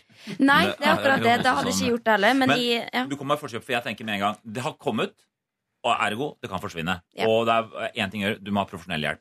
Du må ha hypnose eller noen psykologer, noe som, for det er noen, mm, det er noen tankemønster som skal brytes. For det er Mm. irrasjonelle. Så eh, rådet er ikke liksom li deg gjennom eh, fremføring for fremføring. Bare prøv å gjøre eh, Søk deg fram til riktig hjelp. Men øh, Det kan godt hende at det er riktig også, men jeg tenker at det er noen enklere triks også. For at det som skjer med veldig mange når de skal fremføre noe, det er at de blir stressa. Og når de blir stressa, så begynner de å snakke for raskt. Mm. Eh, og så begynner de å miste pusten, og så blir de stressa av det, og så merker de at det begynner å rakne.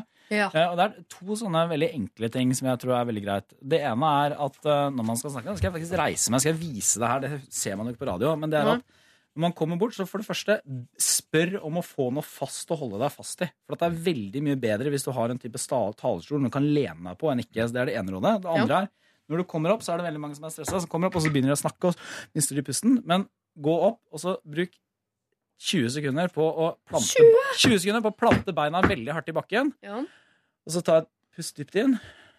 Da ser du gæren ut, da. jo, nei, men så begynner du å snakke. Ja. Og hvis du da i tillegg har et, det er det tredje tipset, et lite mantra på forhånd som du fyller hodet ditt med, for eksempel sånn eh, 'jeg er rolig', eller 'jeg vil begeistre dem', det pleier å være mitt mantra, som jeg gjentar til meg selv sånn fem minutter før jeg skal på talerstolen, så kan det hende at det kan hjelpe litt, i hvert fall. Dette er veldig alternativt Fram for en mann du- som er eh, altså, eh, fagforeningsmann i Nøkternforeningen. ja, det er Men- overraskende. Hvis ikke, drikk alkohol. Det er, det nei da, det var en spøk. Jo, men, Men det mitt, handler eh, litt om å sette ned tempo, tenker jeg også. Fordi ofte når man stresser, så gjør man ting fort, og så blir det vanskeligere. Og tempo, må jeg bare si sånn utad, det at folk setter ned tempo, eh, virker bare som om du er tryggere. Så det der eh, å ta seg god tid og sånn, da virker du tryggere enn det du antageligvis er. Mitt, jeg mener at uh, han bør få noen triks og knep. Mitt uh, nervøsitetsråd jeg bruker på meg, og som kanskje noen andre kan bruke, er at jeg uh, forventer å bli nervøs. Jeg sier Ja. til meg sjøl når det kommer nå, så kommer det til å komme over meg som en bøtte med kaldt vann. Øh, Sånn at du aldri blir overraska, ikke kjemper imot det. For da kommer det Ja, nå kommer den, ja. Da kjenner du angsten litt kortpusta. Nå kommer den, ja. Dette er akkurat som forventa. Ja. At det er en bedre mantra enn når liksom Nå må jeg holde hodet klart. Så når du kommer litt sånn, og så puster man, og så begynner man, litt sånn som du sa, og så vil det jo forsvinne, da. Så grunnen til at han bør ha hjelp, syns jeg er at ikke det forsvinner når han, når han fortsetter. For det som regel, når man prater, så forsvinner det sånn gradvis, da. Men grunnen til at det, for, fordi, hvis det ikke forsvinner, så er det fordi at man merker at det begynner å rakne, og så blir Ja. man mer nervøs når det begynner å rakne, og så prøver man å ro seg inn, men får ikke det til, og så blir- Ja, men også rakner det. det da. Fordi selv om du har fullstendig oversikt, så begynner det å rakne fordi du er redd for at det skal rakne. Og så da Mm. blir det jo bare noen sirkel. Uh, og hvis du allerede da har den dårlige selvtilliten for, før du skal inn på en scene, så er det jo da må man jo jobbe med selvtilliten for at man skal fungere på en scene i det hele tatt. da Eller, ja. Men det virker på meg her som Anders, selv om han sier det ikke direkte, men jeg syns allikevel jeg det litt mellom linjene her, at eh, det er verre eh, dagen før og før han går. Idet han står på scenen, så kommer han seg jo faktisk gjennom det. det. Så det. det er jo da tenker jeg som sier, Når du kjenner den angsten komme, så kanskje du bare skal hilse litt på angsten og si Ja, sånn Hei, der er du. Da- eh, Da går vi sammen opp på scenen, igjen. og så gjør vi bare de greiene her. Istedenfor å, å idet angsten kommer, prøve å bruke masse energi på å dytte den angsten bort. Det tror jeg bare man blir mer stressa av. Heller bare ønske den velkommen, ta den med seg opp på Og si det, og det, det er aldri noe problem for noen som sier å, jeg er litt nervøs, eller er åpne på det. Det er alltid bare behagelig. Det verre er de som du ser at de kjemper imot, kjemper imot. Uh, og en annen ting jeg vil si, er at de som er nervøse når man er nervøs, de tror at det syns veldig De syns ikke så godt som det man skulle tro. Man, for det indre bildet er bare sånn Jeg skjelver på stemmen, jeg svetter, det er til helvete, folk ser ut som jeg begynner å grine. Mens utad er det sånn Jo, du var litt nervøs, men ikke noe problem. Og ofte Ja, sitter det ofte det folk i salen som aldri hadde gått opp der i det hele tatt, som tenker at du er skikkelig skikkelig tøff. Jeg kan også være nervøs, men jeg, jo, jeg går rett inn i en sånn maktgreie. Jeg prøver å overbevise meg selv om at uh, dette her kan jeg i hvert fall bedre enn dere. Så uh, ta det helt med ro, folkens. Jeg er flinkest til dette her akkurat nå. Prøver jeg å overbevise meg selv om når jeg Men står det er kanskje ikke han hvis han skal snakke fransk, fransk. det A- Absolutt antakeligvis ikke best i fransk i en fransk klasse, nei. Jeg er bare litt skeptisk til, men du skal få, gjerne få snakke litt mer om det hypnosegreiene, Linnea. Fordi det er spennende, men det er også litt risikabelt. Dersom Anders for eksempel har opplevd noe grusomt i oppveksten som han har glemt, så kan jo sånne ting dukke opp. Ja, vi har i, øh, om ikke familie, så i hvert fall i bekjentskapskrets, en det klikka helt for etter å ha gått og skulle få bort eh, røyking hos hypnose. Kom ut igjen røykfri, men klin kokos gæren. Har ikke sett den siden. Så Det er ikke det urban myth på sonen. Nei, nei, nei, nei, nei, Eksen til mutter'n har ikke sett den siden. Klikka i vinkel for han da. Men uh... han fant ut bare at han måtte komme seg vekk fra Nei, jeg kan fortelle mer om det en okay, men ja, han klikka jo. Ja. Mm. Jo, men, men, eh, og det er nok eh, helt reelt, det, fordi man skal ikke liksom bruke hypnose til absolutt alt. Jeg har spurt om han kunne kanskje kurert meg for spiseforstyrrelser, men han sa nei, det er litt vanskelig, for det sitter nok litt dypere og mm, på det mer personlige plan som jeg ikke vet så mye om. men ting som er, sitter i hodet, på en måte, og som er som en slags sperre, er veldig enkelt å løse opp da. Over, eh, over en veldig kort periode. Så det tar ikke, tar ikke årevis, liksom. Mens eh, psykolog kan kanskje ta det- litt lengre Det er tid. det jeg tror må, det er for jeg tenker eh, Jeg har ikke noe greie på hypnose, men jeg tror i retning den som jobber praktisk. Ok, på en tre-fire timer så kan vi kanskje gjøre en del. Da. Mm. Tror dere det er dette Mette-Marit brukte mot sin flyskrekk? For jeg ser ikke for meg at hun har tid til å gå på sånn uh, to ukers kurs på Gardermoen sammen med Sikkert. hvermannsen i gata. Sikkert. Men jeg tror eh, hvis vi nå Hvis disse små tipsene funker eh, Han kan jo prøve det en gang, da. Og se om å konfrontere sin nervøsitet og plante beina godt og sånn. Hvis det fungerer, så sparer han jo kanskje 10 000 kroner på psykolog-hypnotisør. Da burde han gi det til den franske organisasjonen Leger uten grenser. Ja, ja. Koster det 10 000 å gå til hypnose? Hva er kjapt eh, Du får sponsa, vet du. Så. Du er sponsa av hypnose. Ja. Det er sant bra. Det er derfor hun sier det her. du, får penger, og at hun skal love å si Nei, det er ikke det. Eh, jeg, nei. Du har vel forbeholdt deg retten til å kunne tulle også med de negative sidene om hypnose. Ja, det er bra. Jo, men eh, hør, altså, det var Grunnen til at jeg testa det en gang i, i tiden, var fordi at jeg var så innmari redd for edderkopper. Eh, og fikk da skrev artikler om det. Eh, og så var det en som tok kontakt med det, fordi han påsto at de kunne bli kurert på én time. Ble det Eh, ja. Og da, og da Jeg trodde ikke på han, og jeg, jeg er ikke en sånn som tror på sånne ting, men eh, da måtte jeg ta Jeg tok feil. Um, så det var rett og slett eh, bare det. Men han, da sa han at skal, du trenger ikke betale noe for det fordi jeg har lyst å gjøre det som et eksperiment på det. Spennende. Um, så det er ikke sponsa på den måten også. Um, Anders, skriv noen sånne franske uh, kronikker om angsten din, og si at det velger seg en, en fransk hypnotisør som det- kan hjelpe deg. Hvis det, er, hvis det er en type eksistensiell angst han eh, konfronteres med, så er jo det bare et pre i Frankrike. Ja. Altså at tilværelsens utgrunnelighet tynger eh, deg. Han får fin skal- eh, fransk kjæreste av dette her. med å ha åpnet opp om disse problemene. Eh, Frankrike er et veldig angstfullt land, rett og slett. Mm. Men de elsker det jo. De hilser på angsten sin hele tiden mens de spiser bagett hele gjengen. Det er et veldig vanskelig land. Eh, kos deg i Frankrike, Anders. Eh, Jeg tror du skal ta deg en liten tur innom hypnose. Eh, hvis ikke du er redd for at det kan dukke opp noe der som du absolutt ikke vil hilse på. Eller begynn å hilse på angsten din. Eh, ta deg litt god tid. Plant beina godt ned i, i bakken. Nå er det ingenting som funker. Altså, kan det hende du må ta deg en runde hos psykolog også, men det er dyrt. Så det tenker jeg det blir liksom eh, Det blir i runde sju, hvis du ikke har blitt kvitt det før det. Og husk, som eh, Bård Tufte sier, det er ingen som ser det så godt som det du føler det selv. P3. Sweden med Just a Kid, og før det Major Lazer eh, med låta Light It eh, Up her i Lørdagsrådet på NRK eh, P3. Vi skal eh, hjelpe en som heter eh, Mona. Hun har tre barn, så hun er nok eh, antagelig blant eh, våre eldre eh, lyttere. Med meg som rådgiver i dag eh, er det jo da eh, forfatter og samfunnsdebattant eh, Linnea Myhre. Du får den samme som i stad. Kunnskapsminister og i pappaperm Torbjørn Røe Isaksen. Og så ble vi enige om humorlegende og eh, Riverdance-entusiast eh, Bård Tufte Johansen. Greit. Ok, Mona skriver. Jeg har tre barn. Yngstemann har en lett synlig, moderat psykisk utviklingshemming. Eh, Han er som sine søsken en god gutt ifølge sin mor. Vi bor i et tett befolket område i et sentralt strøk i Norge. Det er et godt sted å vokse opp for to av mine barn, men den yngste har det vanskelig. De eldste flyter rundt til venner og kjente i nabolaget. Skolen er fantastisk, og det er et rikt og allsidig tilbud av fritidsaktiviteter. Det er markeringer arrangementer og fester i nabolaget titt og ofte, og mye positivt som skjer, eh, som familien min prøver å ta del i. Problemet er at min yngste sønn blir ignorert i nabolaget. Han er et barn som ikke finnes. Ingen henvender seg til han, og han regnes overhodet ikke som en potensiell lekekamerat. Unntaket er varme dager på sommeren. Da kommer barna til hagen vår fordi vi har apparater som er attraktive for dem. Da sier de som regel hei til min sønn, og under kraftig veiledning fra oss kan de oppføre seg vanlig mot han. Og PS, vi forventer ikke at de skal akseptere alt han gjør, eller at han skal være først alltid, osv. Vi har prøvd å invitere barn inn, men etter årevis med enveisinvitasjoner har jeg mistet motet. Alle naboene mine har høyere utdanning og jobb, de aller fleste har gode jobber og led er ledere eller jobber med mennesker i krevende jobber. Naboene er altså dyktige og ressurssterke på alle vis, men vil ikke strekke ut en hånd til min sønn. Dessverre ender dette ofte med at han oppfører seg litt bøllete, og vi drar hjem.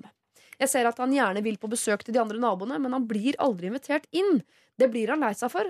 Jeg syns ikke naboenes behandling av han kan kalles annet enn utestenging. Men det er greit fordi han er psykisk utviklingshemmet? spørsmålstegn. Han er i tidlig barneskolealder, spiller fotball, sykler, leker med Lego osv. Hva ville dere gjort i denne situasjonen? Kall meg Mona. Oi, oi. Dette er jo Vanskelig. Ja, dette er vanskelig, et vanskelig problem. Det er naturlig å gå til deg, altså, kunnskapsminister, med en gang. For det er jo ditt Ja. felt på en eller annen merkelig måte. Ja, ja, er det ikke vårt alles felt, på en måte, dette Jo her? Eh, Men nei, vet du hva, jeg syns ehm, Det er så mange ting som er vanskelig med den saken her. En av de tingene som jeg tror er vanskelig, bare for å hoppe på, det er at um, når barn ikke vil leke med andre barn, så er det ofte sånn at de får en type sanksjon eller godkjennelse fra foreldrene for det. Ja. Uh, for det, er, det, er nok, det er nok ikke sånn at barna sier sånn 'Å, kan ikke vi invitere nabogutten inn?' Og så sier foreldrene nei, det kan vi ikke, for han har jo en mild psykisk utviklingshemming og kan være litt herjet og sånn. Det er ofte barna som får en slags stilltiende aksept fra sine foreldre. Eh, og det gjør også at det er ganske vanskelig for foreldrene å prøve å presse barna til å altså Vi husker kanskje alle det fra oppveksten, for mange gjør det at foreldrene sa sånn Du, nå må dere ta med han og han eller hun og hun eller noe sånt. Og det er veldig vanskelig å gjøre overfor barn. Ja. Så jeg tenker altså eh, dette eh, Jeg tenker nok at det letteste av og til er å forsøke å finne noen alternative venner i et alternativt miljø, med kanskje flere barn som ligner litt på ham. da. Ja. Altså I betydningen, det, men det som mener jeg at det behøver ikke være barn som da har en type sånn eh, Det kommer litt an på om man har en altså en sier lettere psykisk utviklingshemming. Det er litt vanskelig å si hva det er, men jeg vet jo at jeg har snakket med veldig mange foreldre som for eksempel har hatt barn med forskjellig, enten det er fysisk eller psykisk, altså en eller annen form for eh, tilretteleggingsbehov, da, som vi sier i politikken, som sier at det var veldig Altså den dagen han kom eh, med altså, Det var viktigere for oss at han fant et miljø hvor han ble akseptert og fikk mange venner, enn at han måtte bli akseptert akkurat der han var. Kan Ja. hende man må vurdere det. Eller så må hun ta en konfrontasjon med naboene sine. Rett og slett. Spørre dem. Det hjelper jo ofte eh, for barn hvis de eh, er ensomme i et miljø, å vite at de har en bestevenn et annet sted. Selv om man ikke er sammen med denne bestevennen like ofte. Men jeg husker Mm. Er jeg var sånn stolt av bestevennen Ja, jeg- min i Fredrikstad, for eksempel, selv om jeg bodde i Oslo. Ja, jeg, jeg skammer meg litt over å si det, for på en måte så er det jo liksom, sånn et svar burde jo være sånn Jo, men dette må jo bare et ressurssterkt nabolag kunne fikse. Herregud, de må jo bare invitere denne gutten inn og sørge for at han blir inkludert. Ja. Men er, utfordringen er å komme fra det veldig ideelle, flotte målet til realiteten. Og det er jo Mm. det kanskje Mona eh, har strevd med i mange år. Det og det som gjør det ekstra vanskelig, er jo at hvis du sier til eh, Hvis du sier til La oss si det var mine barn, da, som, som hadde en nabogutt som var- var lett psykisk utviklingshemma. Altså, ja, ta han inn. Vær litt grei nå, spill Fifa-mann. Og så gjør OK, da. Skal vi gjøre det, liksom. Forklare viktigheten av å være litt empatisk. Så gjør de det bare den ene gangen, men da vil jo den personen Han er jo et helt vanlig menneske med vanlige følelser som vil Å, nå er vi venner. Kommer dagen etterpå, kan du komme inn. Og så er det på en måte en sånn Det er, det er altså Foreldrestyrt kontakt er ikke så lett. Nei. Eh, så det er liksom Det er kinkig uans, uansett, men på en at det går an Kanskje ikke et nabolag, men at det kanskje går an i, nei, går på barneskolen, i klassemiljø og på et foreldremøte og si sånn Du, vår sønn har det og det. Vi ser han er mye ensom, og vi skjønner at ikke det er så lett, og han er fallet utenfor og sånn, men i den grad det, de gangene det er lett å ta med, så gjør gjerne det et, et eller annet sånt i dag. Men eh, ellers så høres jo kunnskapsministerens råd ut veldig bra. Nei, ikke si det. Det var litt sånn på privaten, dette her, da. Jo, men det er jo dessverre ofte sånn eh, at eh, folk i hverdagen har nok med sitt. Ikke sant? Så man tenker eh, eh, jeg får ikke kabalen til å gå opp, mine barn og ditten og datten, og jeg har mine problemer, og, og så har man på en måte ikke eh, dessverre ork til å også ta inn over seg at naboen Mona hun hadde sikkert trengt hjelp med sin yngste, for han eh, trenger litt ekstra altså, ikke Men sant? hun var- Man rekker aldri å komme helt dit Men hun var aleine mor også? Nei, det står det ingenting om. Det får jeg ikke noe inntrykk av. Men det, det er jo i tillegg Det ser vi jo barna Barn nå leker mindre ute. Det er mindre gå og slenge og stå og slå med en pinne på en død fugl og, og, og, og gå og rase rundt i skauen og sånn. Sånn som du holdt på. Ja, det Ja. gjorde vi, og vi kjeda oss. Og da var det mer sånn eh, Der var han fram og tilbake og sprang rundt. Det er mer organisert. ikke sant? Det er Mm. mer sånn Kan han komme hjem? De drar på aktiviteter. Ja, men jeg tenker jo at å melde på i fritidsaktivitet kan være det beste å gjøre. Bare fordi at da, altså, da har han ikke noe de Barna må være sammen, Mm. må spille på lag med ham og kan kanskje oppdage at herregud, han er jo dritkul, liksom. Fordi Mm. han får være en av de andre. Men han, Eh, virker jo, han går jo på noen fritidsaktiviteter. Han spiller fotball. Og Han gjør det, ja. Men jeg Mm. vet ikke om det var organisert eller ikke. Spiller fotball, sykler, leker Ja. med legosør. Jeg tenker at organisert idrett kanskje han bare skulle gå på. eh, selv om jeg skjønner at det er mye i hverdagskabalen, men gå på en to-tre sånne ting da som er lagidretter og sånn. Ja. Det kan hende han er helt sykt rå i en eller annen Kanskje dere finner en idrett hvor han får en helt enorm status, for han har et eller annet sykt talent innen Sjakk, sjakk, eller hva, altså, hva det måtte være. Men så tror jeg nok også dessverre at selv om jeg, jeg skjønner så mye den der eh, frustrasjonen i setningen vi har prøvd å invitere barn inn, men etter årevis med enveisinvitasjon har jeg mistet motet. Men det er litt av problemet. For det er veldig lett å tenke sånn at du kan lokke barn inn med jeg husker, i, i, Da jeg var barn, så var det sånn TV-spill og godteri og sånn. Da var det ikke at man hadde kul, Da var det bare at man hadde TV-spill. Ja. Som vi kalte det i min tid. Mm. Eh, men, men det bygger jo ikke noe varige vennskap, det. Altså, da blir det, som, som Bård sier, at man får noen inn en kortere periode. Men en annen mulighet er jo kanskje at siden hun har to andre barn, så kjenner hun jo sikkert altså Det høres ut som en ganske tett sammenvevd nabolag, dette her. Så det går jo Mm. kanskje an å snakke med noen andre mødre og fedre om det, som hun kjenner via de andre barna sine. At det er en mulighet. Og man, det må gå an å ta det opp på liksom, klassemøter og sånne ting, hvor, eller foreldremøter, som man, og si at mitt barn sliter eh, fordi ingen andre har lyst til å være en del av hans Alle, alle, ja. skjønner, alle skjønner at du tar opp det. Alle skjønner ja, fys, åh, det er er og så sånn, inviterer du en gang hjem. samvittighet. En gang for, du inviterte han hjem da en gang, så blir det med den Ja, ene gangen tror jeg, eller fram til neste gang han inviterer. Jeg tror at Mona her må, selv om de ikke blir invitert tilbake, fortsette med enveisinvitasjonene. For for barnet så opplever i hvert fall barnet at eh, jeg leker med noen. Han sitter ikke og tenker på de sosiale tingene som vi voksne tenker sånn. Nå har jeg invitert, så nå er det din tur. Foreløpig tror jeg nok at sønnen her eh, vil sette så pris på at det bare er noen hjemme hos han og leker, at han ikke bryr seg så mye om de blir invitert tilbake på noe tidspunkt. Så selv om det er frustrerende for mor, Det- så allikevel eh, fortsett med det, tenker jeg da bare. Men det er jo veldig bra at han har søsken, da. Eh, Ja. Ikke hadde det jo blitt veldig veldig ensomt. Så ja, kunne Men, men jeg tror eh, Jeg tror jo at hvis du tar opp dette, så, så det er litt som Bård sier, at alle vil jo kjenne litt på sin samvittighet der. For at vi mener jo egentlig alle Når man blir voksen, så skjønner man det at jo, men det beste samfunnet er der hvor alle blir inkludert. Alle Mm. skjønner det. Så, eh, men hvis ikke det fungerer, så tror jeg at hun kanskje også må se, hvis hun bor i en by eller noe sånt, se er det noen, er det noen miljøer eller type steder hvor som kunne passet veldig godt, kanskje ekstra godt for han. Mm. Er Speider noe- eller noe sjakk eller noe ja, eller, noen, annet. eller et sted hvor andre som er litt utafor Det kan jo hende, nå vet ikke jeg hva slags psykisk utviklingshemming han har, eller hvor, hvor, hvor mye det preger han, da. Men er det andre typer Altså For de med veldig tung psykisk utviklingshemming, så er det jo ofte sånn du har egne Det er klubber, og det er tilbud og fritidsaktiviteter og sånn. Ja. Men det kan jo hende det er en barriere også, fordi at han er såpass, eh, såpass eh, vanlig, da, eller såpass mild. Ja. Eh, Virker som velfungerende tross alt. Da. Men så, ja. Så kan nok hende at mor her ønsker at han skal være akkurat som de andre i klassen. Og på en måte ikke eh, ja. Nei, jeg, jeg skjønner at man vil det, men det kan nok hende at det lureste er å allikevel oppsøke miljøer hvor, hvor det er større aksept enn i disse eh, miljøene som dere er i nå. Eh, Ja, Mona. eh, hva skal vi oppsummere med? Eh, fortsett å invitere inn. Se om det er noen andre miljøer hvor det er større aksept. Ta det opp på et foreldremøte, det har du sikkert allerede gjort. Men gjør det allerede. Spill på andres uh, eh, dårlige samvittighet. Se om du kan få til noe der, og fortsatt med sånne ting som fotball. Kanskje noen flere fritidsaktiviteter osv. Sånn at, uh, eh, sørge for at det er i hvert fall et sosialt miljø rundt. Og så er det jo med mye annet at det er mye som også eh, løser seg med tiden, som er veldig vanskelig akkurat eh, nå. Men jeg skjønner veldig, veldig godt at du syns dette er eh, vanskelig.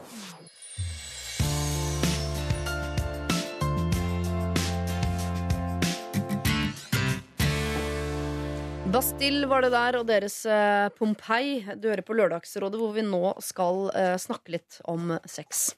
Er dere komfortable med det, folkens? Overhodet ikke. Nei? Bård? Pass, passe. Passe. Det der, jeg, jeg tror det går ganske greit. Ja. Linnea?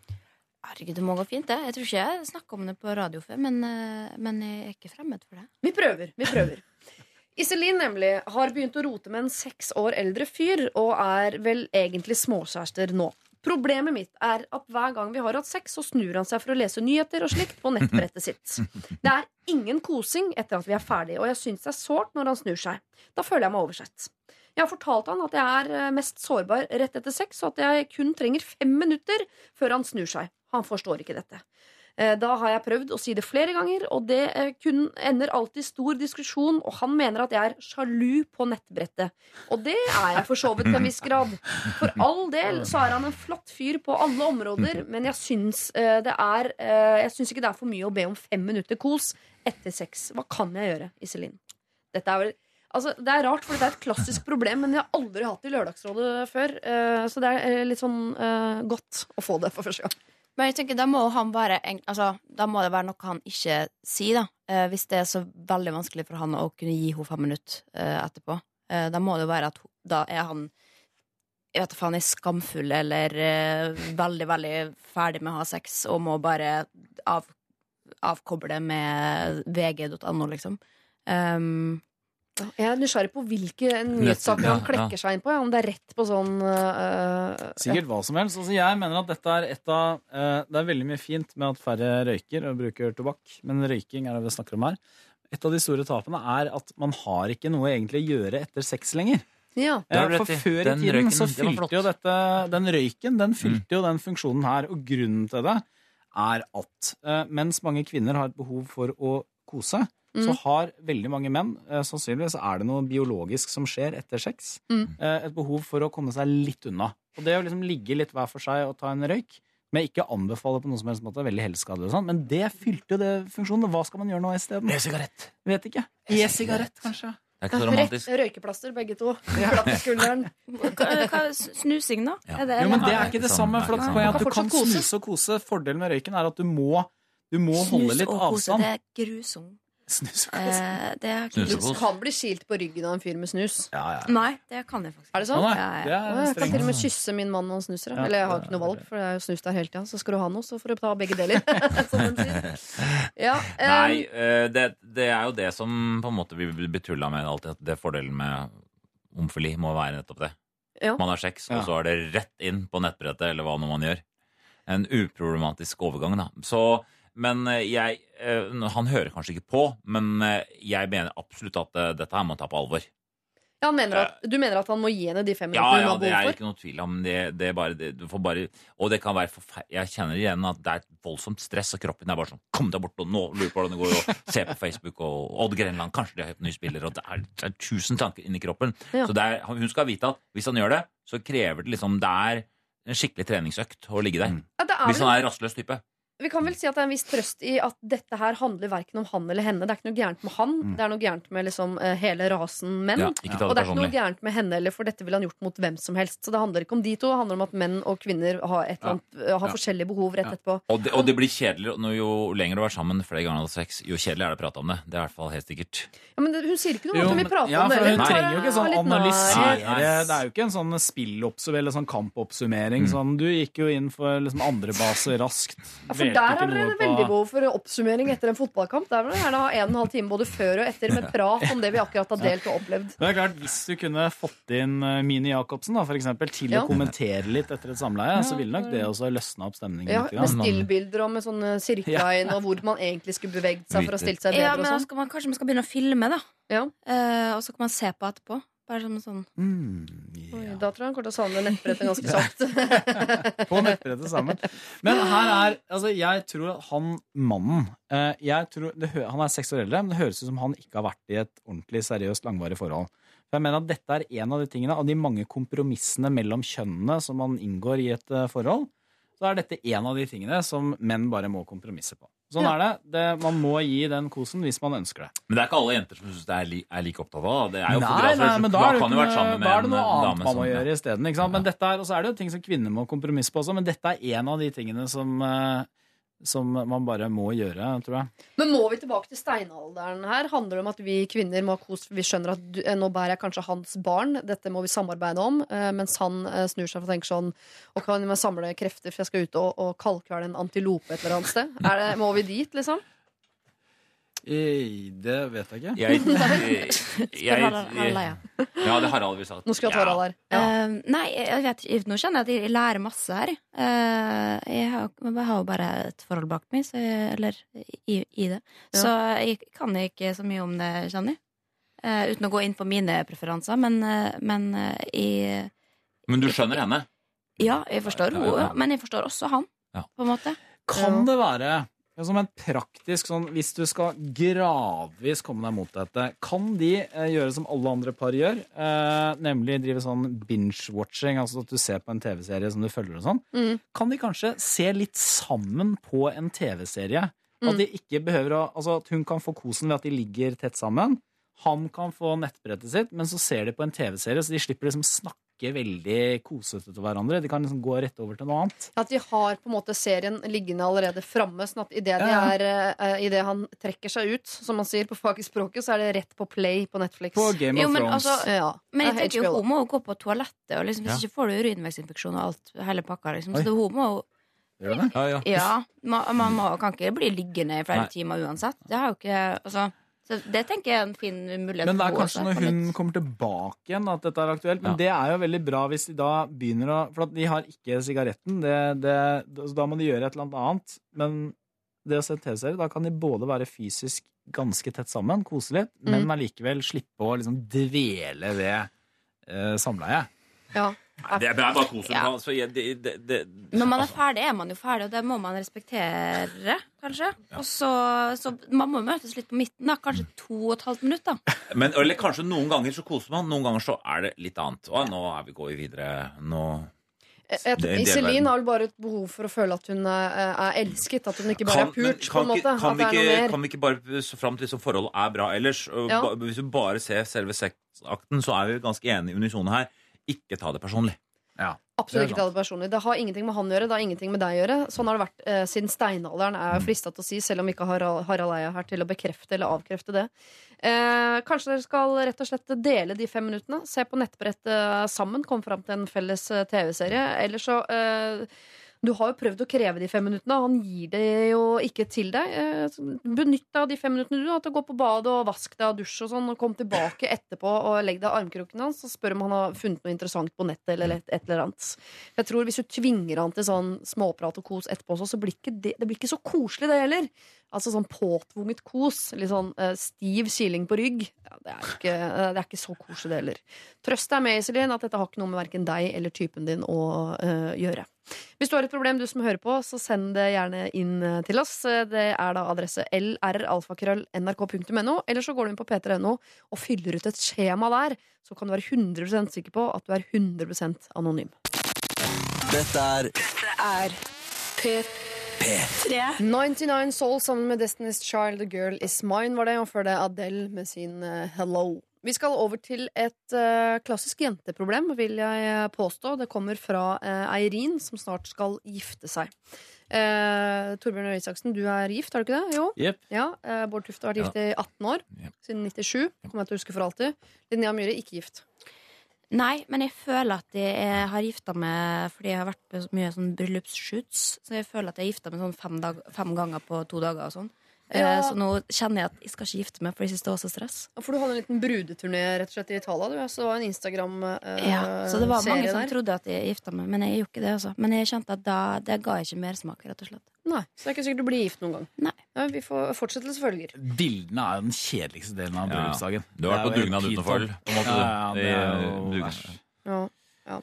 Eh, Eirin her skal i hvert fall gifte seg, det er det ikke noe tvil om. Eh, eh, hun startet planleggingen i fjor. Problemet da var at jeg ikke klarte å velge mellom forlovere, så jeg valgte fler og skal ha én hovedforlover. Problemet nå er jo at jeg angrer litt på at jeg valgte hun ene. Vi har vært gode venner i flere år, men etter at jeg spurte henne om hun vil være forlover, har jeg hørt fra henne én gang på syv måneder. Jeg har invitert henne med på flere ting, men hun svarer aldri på noen ting. Altså ting som ikke har med bryllup å gjøre engang.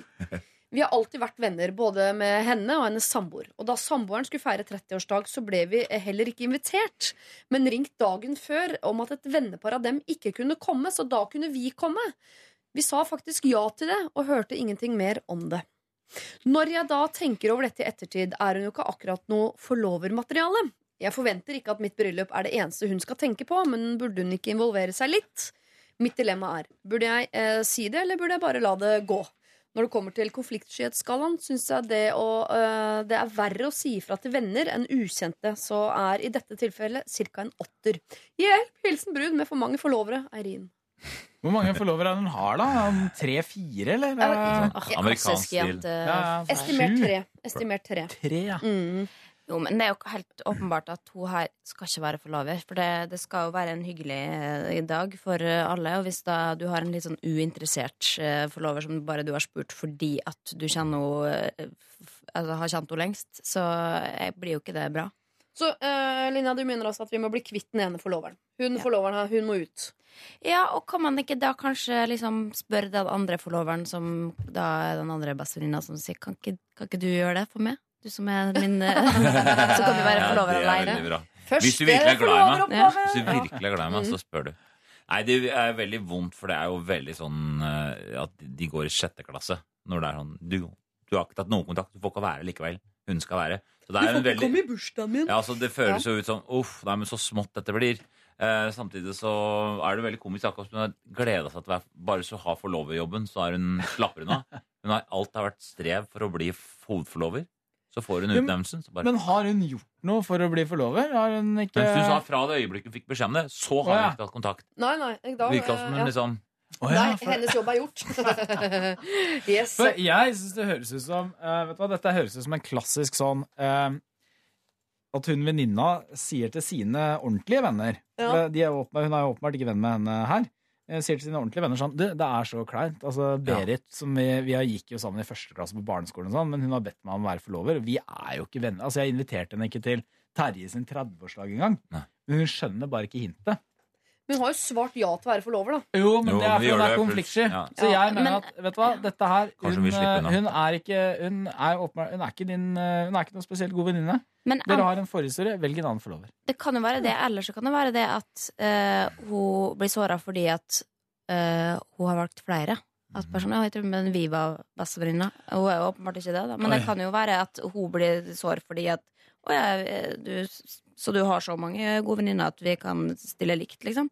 Ja, sånn fungerer faktisk noen øh, jentehjerner. Jeg kan ha snev av det selv. Det er sånn å ja, så øh, du liker ikke meg så godt? Se nå, nå skal jeg trekke meg skikkelig unna. Skal jeg se om du følger etter. Å nei, du gjorde ikke det. Ok, da kommer jeg ikke ut med det. Men du har rett, dette er veldig jentete. Jeg syns synd på Ja. han mannen som sitter her og hører på. For dette har vært et gnål. Hvis jeg ikke bruker gubbeord, så har det vært et gnål fra Eh, Klisj, nå lager jeg det veldig kjønnsstereotypt der, men jeg, det er veldig sånn Hvorfor kom du i den dumme situasjonen? Ja. Men samtidig, det er en dum situasjon, og vi er enige om at eh, hun bør ikke være forlover, hun som har eh, blitt spurt, men da eh, ikke vært til stede. Men når hun er så uinteressert som hun tydeligvis her er, og til og med kanskje synes det er teit med forlover, så kan det vel er det begrensa hvor lei seg hun kan bli om hun Det mister også det. forloverrollen. Eller, og også, hvis, hvor, hvor er det så farlig om hun mister en som venn? Det er vel det spørsmålet, for det Ja. kan være at hun sier at hun blir veldig såra og skuffa, liksom de fader ut, ikke noe mer vennskap. Mm. Hvis ikke det er så farlig, så vil jeg sagt fra. Hvis det er farlig, så vil jeg droppe det. Ja, For hva mister du egentlig? Altså Du må jo vite hva du legger i potten.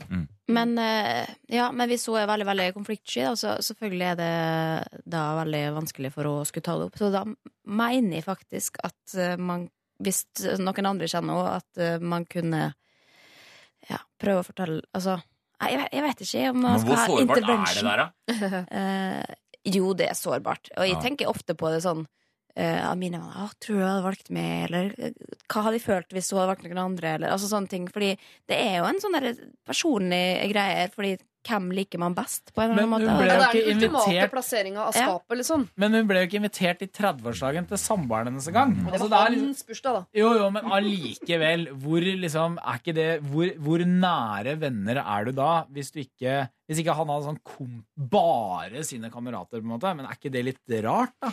Min aller beste venninne. Jeg synes det var veldig rart om jeg ble bedt i bursdagen til uh, typen hennes. Det hadde vært Er det sant? kjemperart. Ja, ja, ja, ja. Jo, men vet du hva? Det, ja, for at kanskje ikke de har noe sånn parforhold, da. Vet du hva, Ja. jeg trekker det litt tilbake. Mm. Nei, det er to forskjellige verdener, ass. Men uh, her, hva Men- med å bare si at uh, Si til en av de andre forloverne du, For det, egentlig, hva er det når du har liksom sju forlovere, eller tre, eller hva det er, da? Mm. Så hva er egentlig jobben? Det er å arrangere utdrikningslag, og så er det hvem som får stå først. Ja. Eller hun skal vel ha alle som sitter der oppe med henne når hun skal gifte seg i kirka og sånn, da. Hvor vanskelig er det? Ok, Hun får kirka, hun kan sitte der først. Men så bare ber du en annen venninne om eh, Sier du til de andre forloverne Du, eh, kan ikke du også bli med og arrangere utviklingslaget? Ja, for jeg tenker her at Det er veldig vanlig at vi her i Lørdagsrådet ber eh, konfliktsky mennesker om å på en måte eh, fronte det og gå i konflikt allikevel og si fra om ting de er ukomfortable med å si fra. Sånn. Her syns jeg vi skal ta inn over oss at Eirin er konfliktsky, og jeg syns hun skal få lov til å slippe unna denne konflikten. Eh, jeg ville, sånn jeg ville ha oppført meg herfra fram mot bryllupet, er at de forloverne eh, som jeg fortsatt vil ha, og som eh, på en måte stiller opp og viser interesse, de gir du de oppgavene til som skal fordeles, og snakker masse om det og gleder seg. Og alt mulig sånn Og så får du se om denne siste venninnen Om hun på noe som helst tidspunkt logger seg på. Og hvis hun gjør det, så får du gi henne noe sånn eh, forfallent arbeid som er sånn eh, Kan du lage bordkort eller gidder å, å fluffe opp bordoppsatsen eller et eller annet sånt. Men ikke regne med henne, fordi når det nærmer seg bryllupene, tenker sånn det er kvelden før. Så vil hun som er sånn Er ikke jeg forlovera? Burde, burde jeg jo- bidra med noe? Og da, ja, ok, greit. Etterpå, Dilter. Du får sitte Men det vil jo være et stressmoment for henne, og som brud så blir man jo gæren etter hvert. Og hvis du da skal gå og lure på om du har en forlover eh, pluss-minus nei, Eirin skal se helt bort fra denne forloveren inntil hun selv eh, ber om å få ø, eh, hekte seg på. Jo, men det er jo vanskelig, det. Og skulle, når du først har gitt en oppgave til noen, og så veit du ikke om de vil ha den. Nei, men hun må til seg selv si hun er ikke forloveren min. Hun er ute av Eirins hode helt Jo, fram men til tror du det er lett? Tror du det Ja, går? sånn praktisk. Ikke bare dele ut alle oppgaver til alle de andre og Men jeg har en annen idé. Fordi Hvis du da ikke vil liksom lage en konflikt ut av det, men snakke med henne om det likevel, så kan man jo legge det fram på en måte som at um, Jeg ser at du kanskje ikke er så involvert, eller kanskje syns du det blir stress, så slipper du å være Jeg har andre som kan ta Jeg den rollen. tror uh, Anne-Britt syns det hadde vært gøy. Liksom, Ja. neste, nummer to heter Ja, ja. Anne-Britt. Anne-Britt er så gira, hun har lyst til å jeg- jeg-. Jeg ser det for meg. Det Anne- Eh, jo, nei, men altså å, å s- gi det, Si det som en god nyhet isteden, Mm. at du slipper å være forlover fordi Jeg har noe veldig hyggelig å fortelle deg. Du skal slippe.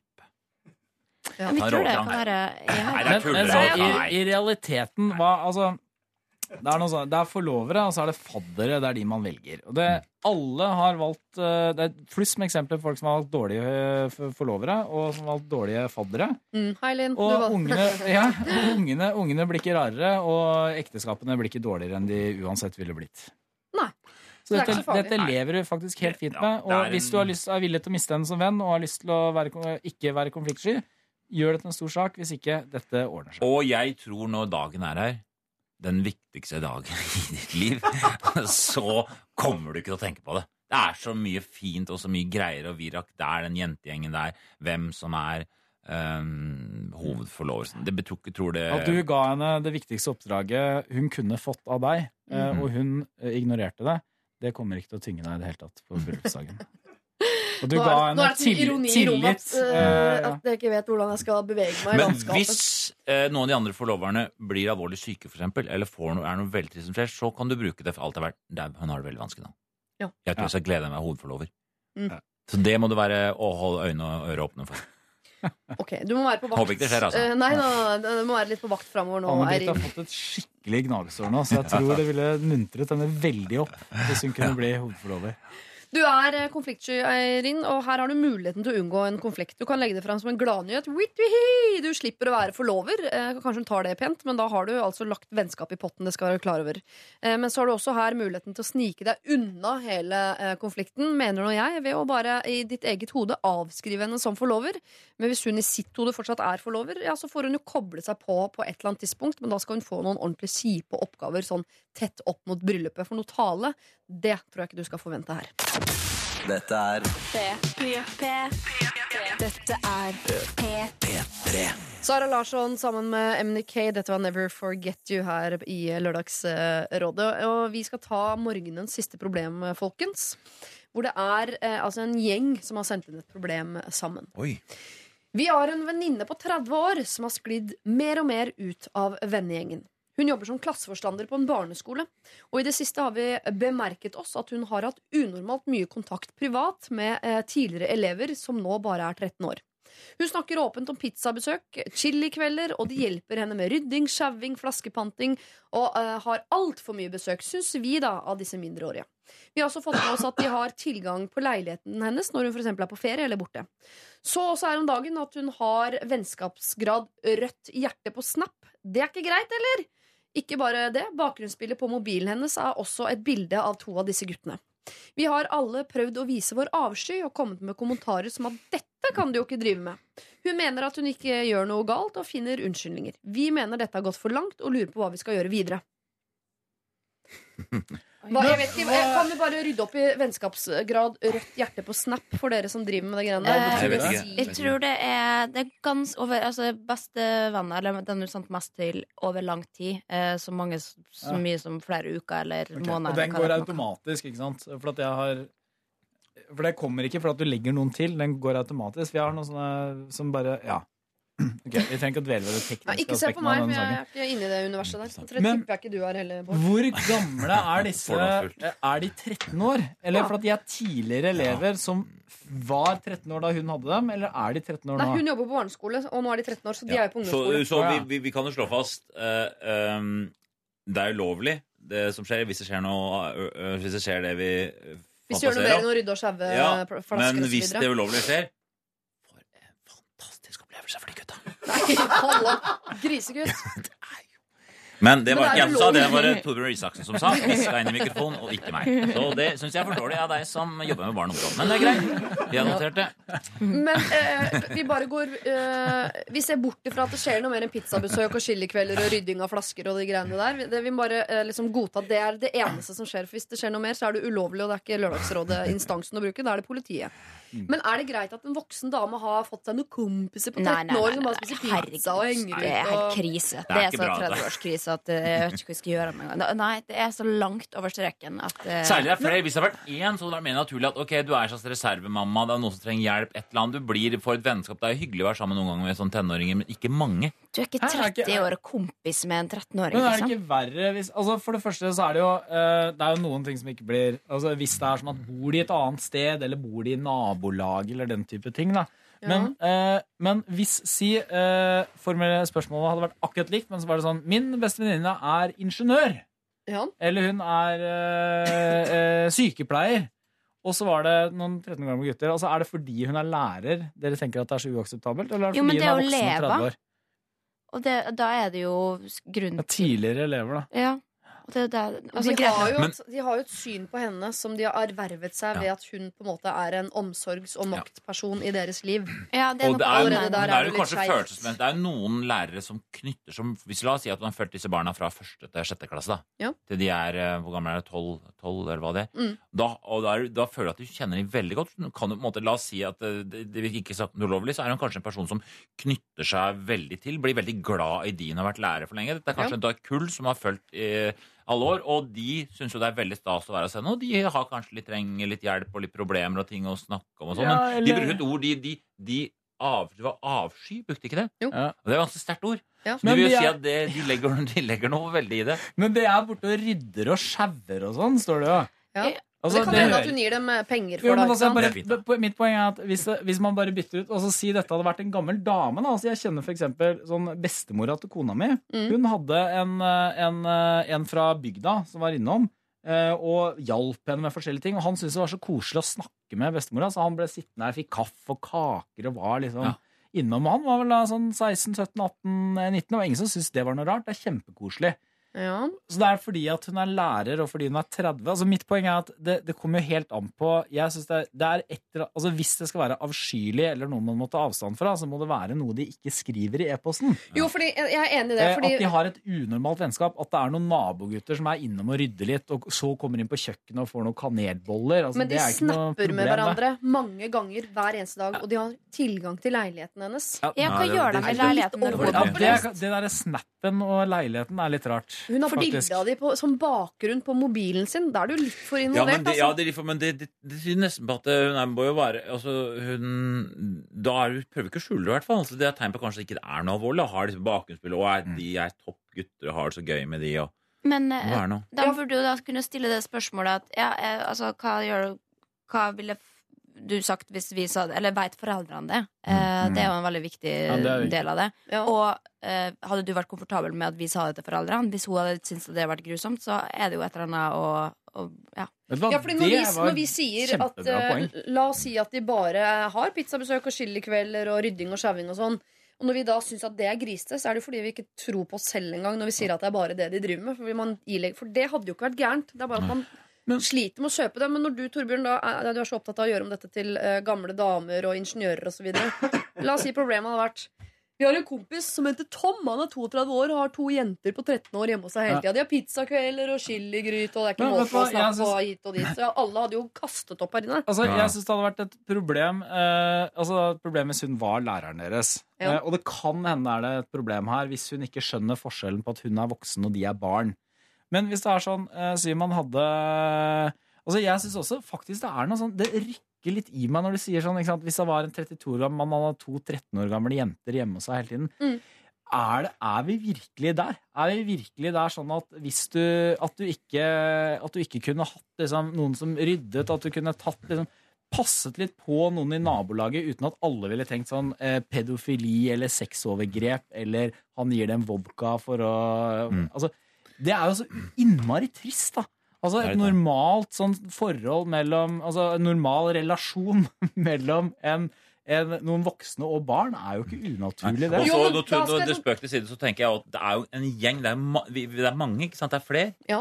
Og det tenker jeg bare at hun er litt sånn grenseløs i sin tilknytning og vennskap til disse tidligere elevene. Hun er mer en grenseløs vennskapsperson. For det, det, er, altså, det er noe Men det handler jo litt om å være profesjonell òg, da. Skal du drive og liksom og, og beva bevare vennskapet du har fått med alle på barneskolen, liksom? Det er enig. Det Ja, er da må du bygge på huset snart, for da, eh, det, dette er et Ja, eskalerende problem. på en måte Men jeg tenker at det er greit hvis, uh, hvis jeg som mor har en sønn som er ekstremt knytta til sin barneskolelærer, og, og vi imellom ble enige om at hvis dere vil ha kontakt Han er blitt veldig glad i deg. Hvis, så hvis dere vil fortsette å ha kontakt, så er det veldig hyggelig. Det er avlastende for oss, og du kan kanskje få hjelp med den boden din som ikke ser ut sånn. Kjempegreit. Det er bare noe med at en gjeng med 13-åringer har blitt en sånn vennegjeng med den gamle læreren sin. De er der og spiser pizza, det er chilikvelder, og de snapper og holder på. Det mener jeg, uansett om det er ulovlig eller ikke, og, og alt det der, så syns jeg det, det er noe der er som er skurrer det er jo ikke ulov... Altså, det vi har jo etablert innledningsvis, da. Det er jo ikke, det er jo ikke, uh, hvis det er noe ulovlig, så er det Det kan ikke vi diskutere. Da er det ulovlig og uakseptabelt. Men, uh, men jeg er ikke så sikker på om Altså, det kan være problematisk, men jeg syns det er litt voldsomt å si at ethvert sånt eh, det er derfor eh, ethvert sånt, sånn type relasjon nødvendigvis er problematisk. Nei. Altså, det kommer helt an på hva slags ingen- rolle hun tar. Det er helt avgjørende det Linnea sier. da, Vet foreldrene om dette? Mm. Hvis hun sier sånn nei, ikke fortell det til foreldrene, eller hvis de får en sånn slags hemmelig hule hvor de kan eh, holde på med 13 år gamle gutterting eh, under Mm. eh, altså, Og hun godtar det, så er det problematisk. Men eh, Foreldre i dag har veldig oversikt over hva barna gjør, da. Så det, de vet det sikkert. ja, de er på Ja, ja. Men hva kan de som vennegjeng gjøre her, da? For de er jo eh, de er bekymret for venninnen sin, som foretrekker å eh, spise chili med 13-åringer framfor å henge med dem. De begår seg sjøl, ja. De har de, det, Dette burde de ta personlig. Ja, det? Oppfør dere litt yngre neste gang. Men eh, det kan jo også være at hun, eh, hun godeste kanskje bare er veldig glad i barn og har lyst på barn, og at det er det hun Mm. burde gjort. Fått seg en kjæreste og skaffa egne barn. Så har hun ikke tid til å dra inn huset fullt av eh, 13-åringer. Altså, Ja. Bare for å si det hvis da, Nå prøver jeg å komme på sant, igjen sånne eksempler. Da, bare for, ja. Hvis det hadde vært en onkel Ja. eh, og hans to nieser, eller i og for seg hans to nevøer, så er det ingen som ville reagert på det. Ikke sant?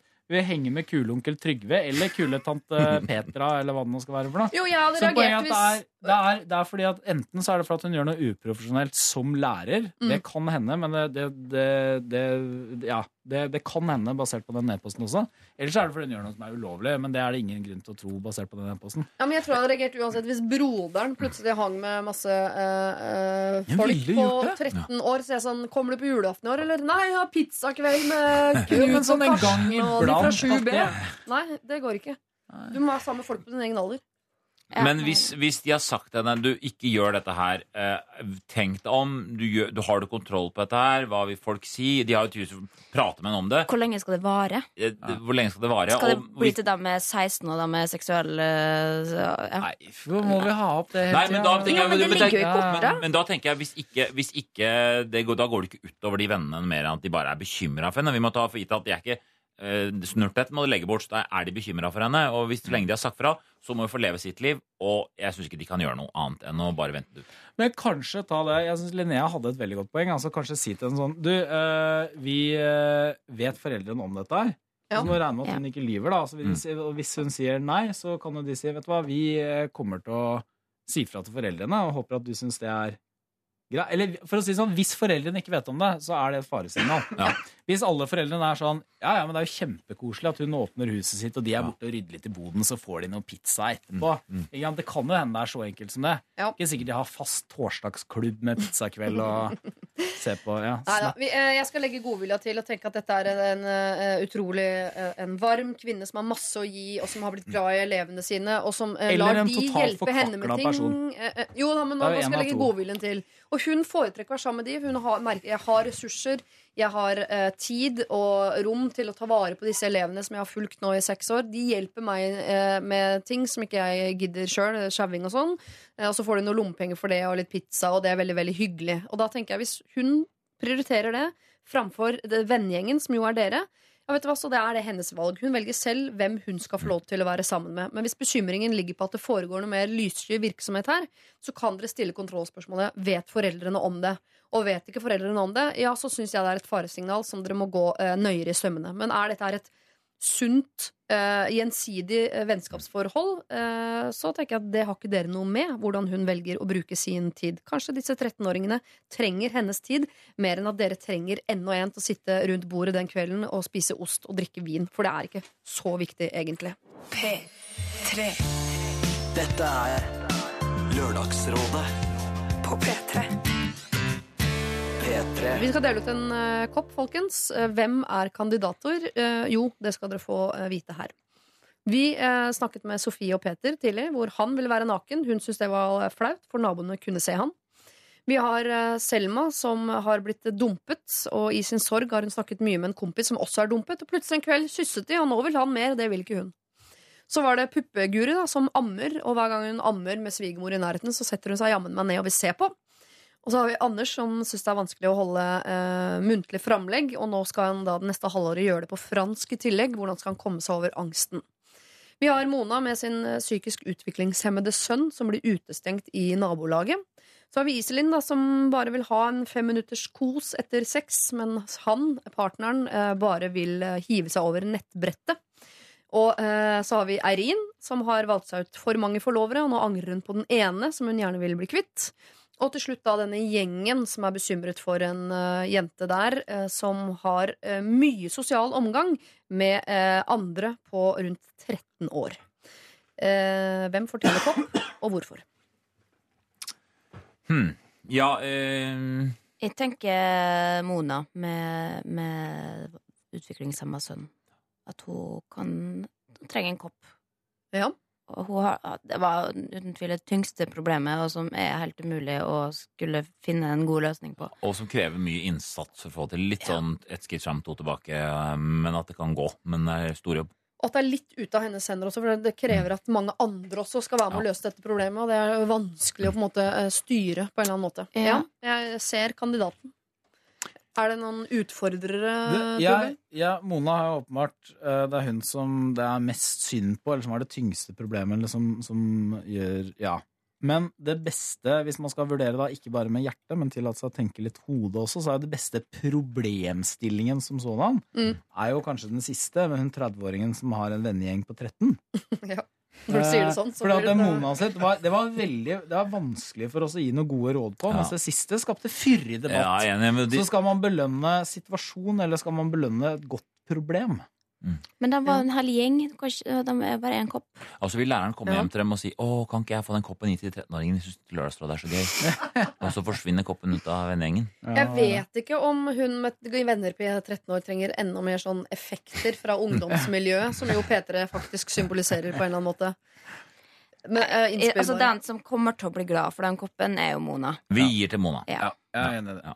Ja. Det er en fin oppmuntring også på Og vet du hva, det har vi jo ikke sagt, men så fantastisk og med sånne mødre som legger seg i selen for barna sine. Og Ja. tenker sånn, og det, tenk for henne, hun ligger sikkert våken og bekymrer seg over dette. Helt sikkert. Eh, Det er så flott å høre. Det blir en eh, kopp til eh, Mona. Eh, det er Mona som absolutt trenger Altså hun trenger mye mer enn en kopp, men en kopp i tillegg til de rådene vi hadde å gi, skal hun nå i hvert fall få i det minste. Og så kan vi si til nabolaget, skjerp dere. Ja, skjerp dere, Ta dere sammen, da, nabolag. Ja, ser dere en dame med P3-kopp som har tre barn, så ta og uh, kikk litt ned i moralskuffen og se om det er noe å hente ut uh, der, rett og slett. Tusen, tusen takk til eh, dere, alle tre. Bård Tufte, eh, Torbjørn Røe og eh, Linnea Myhre. Det har vært en fortreffelig morgen her sammen med dere. Dette er er P3.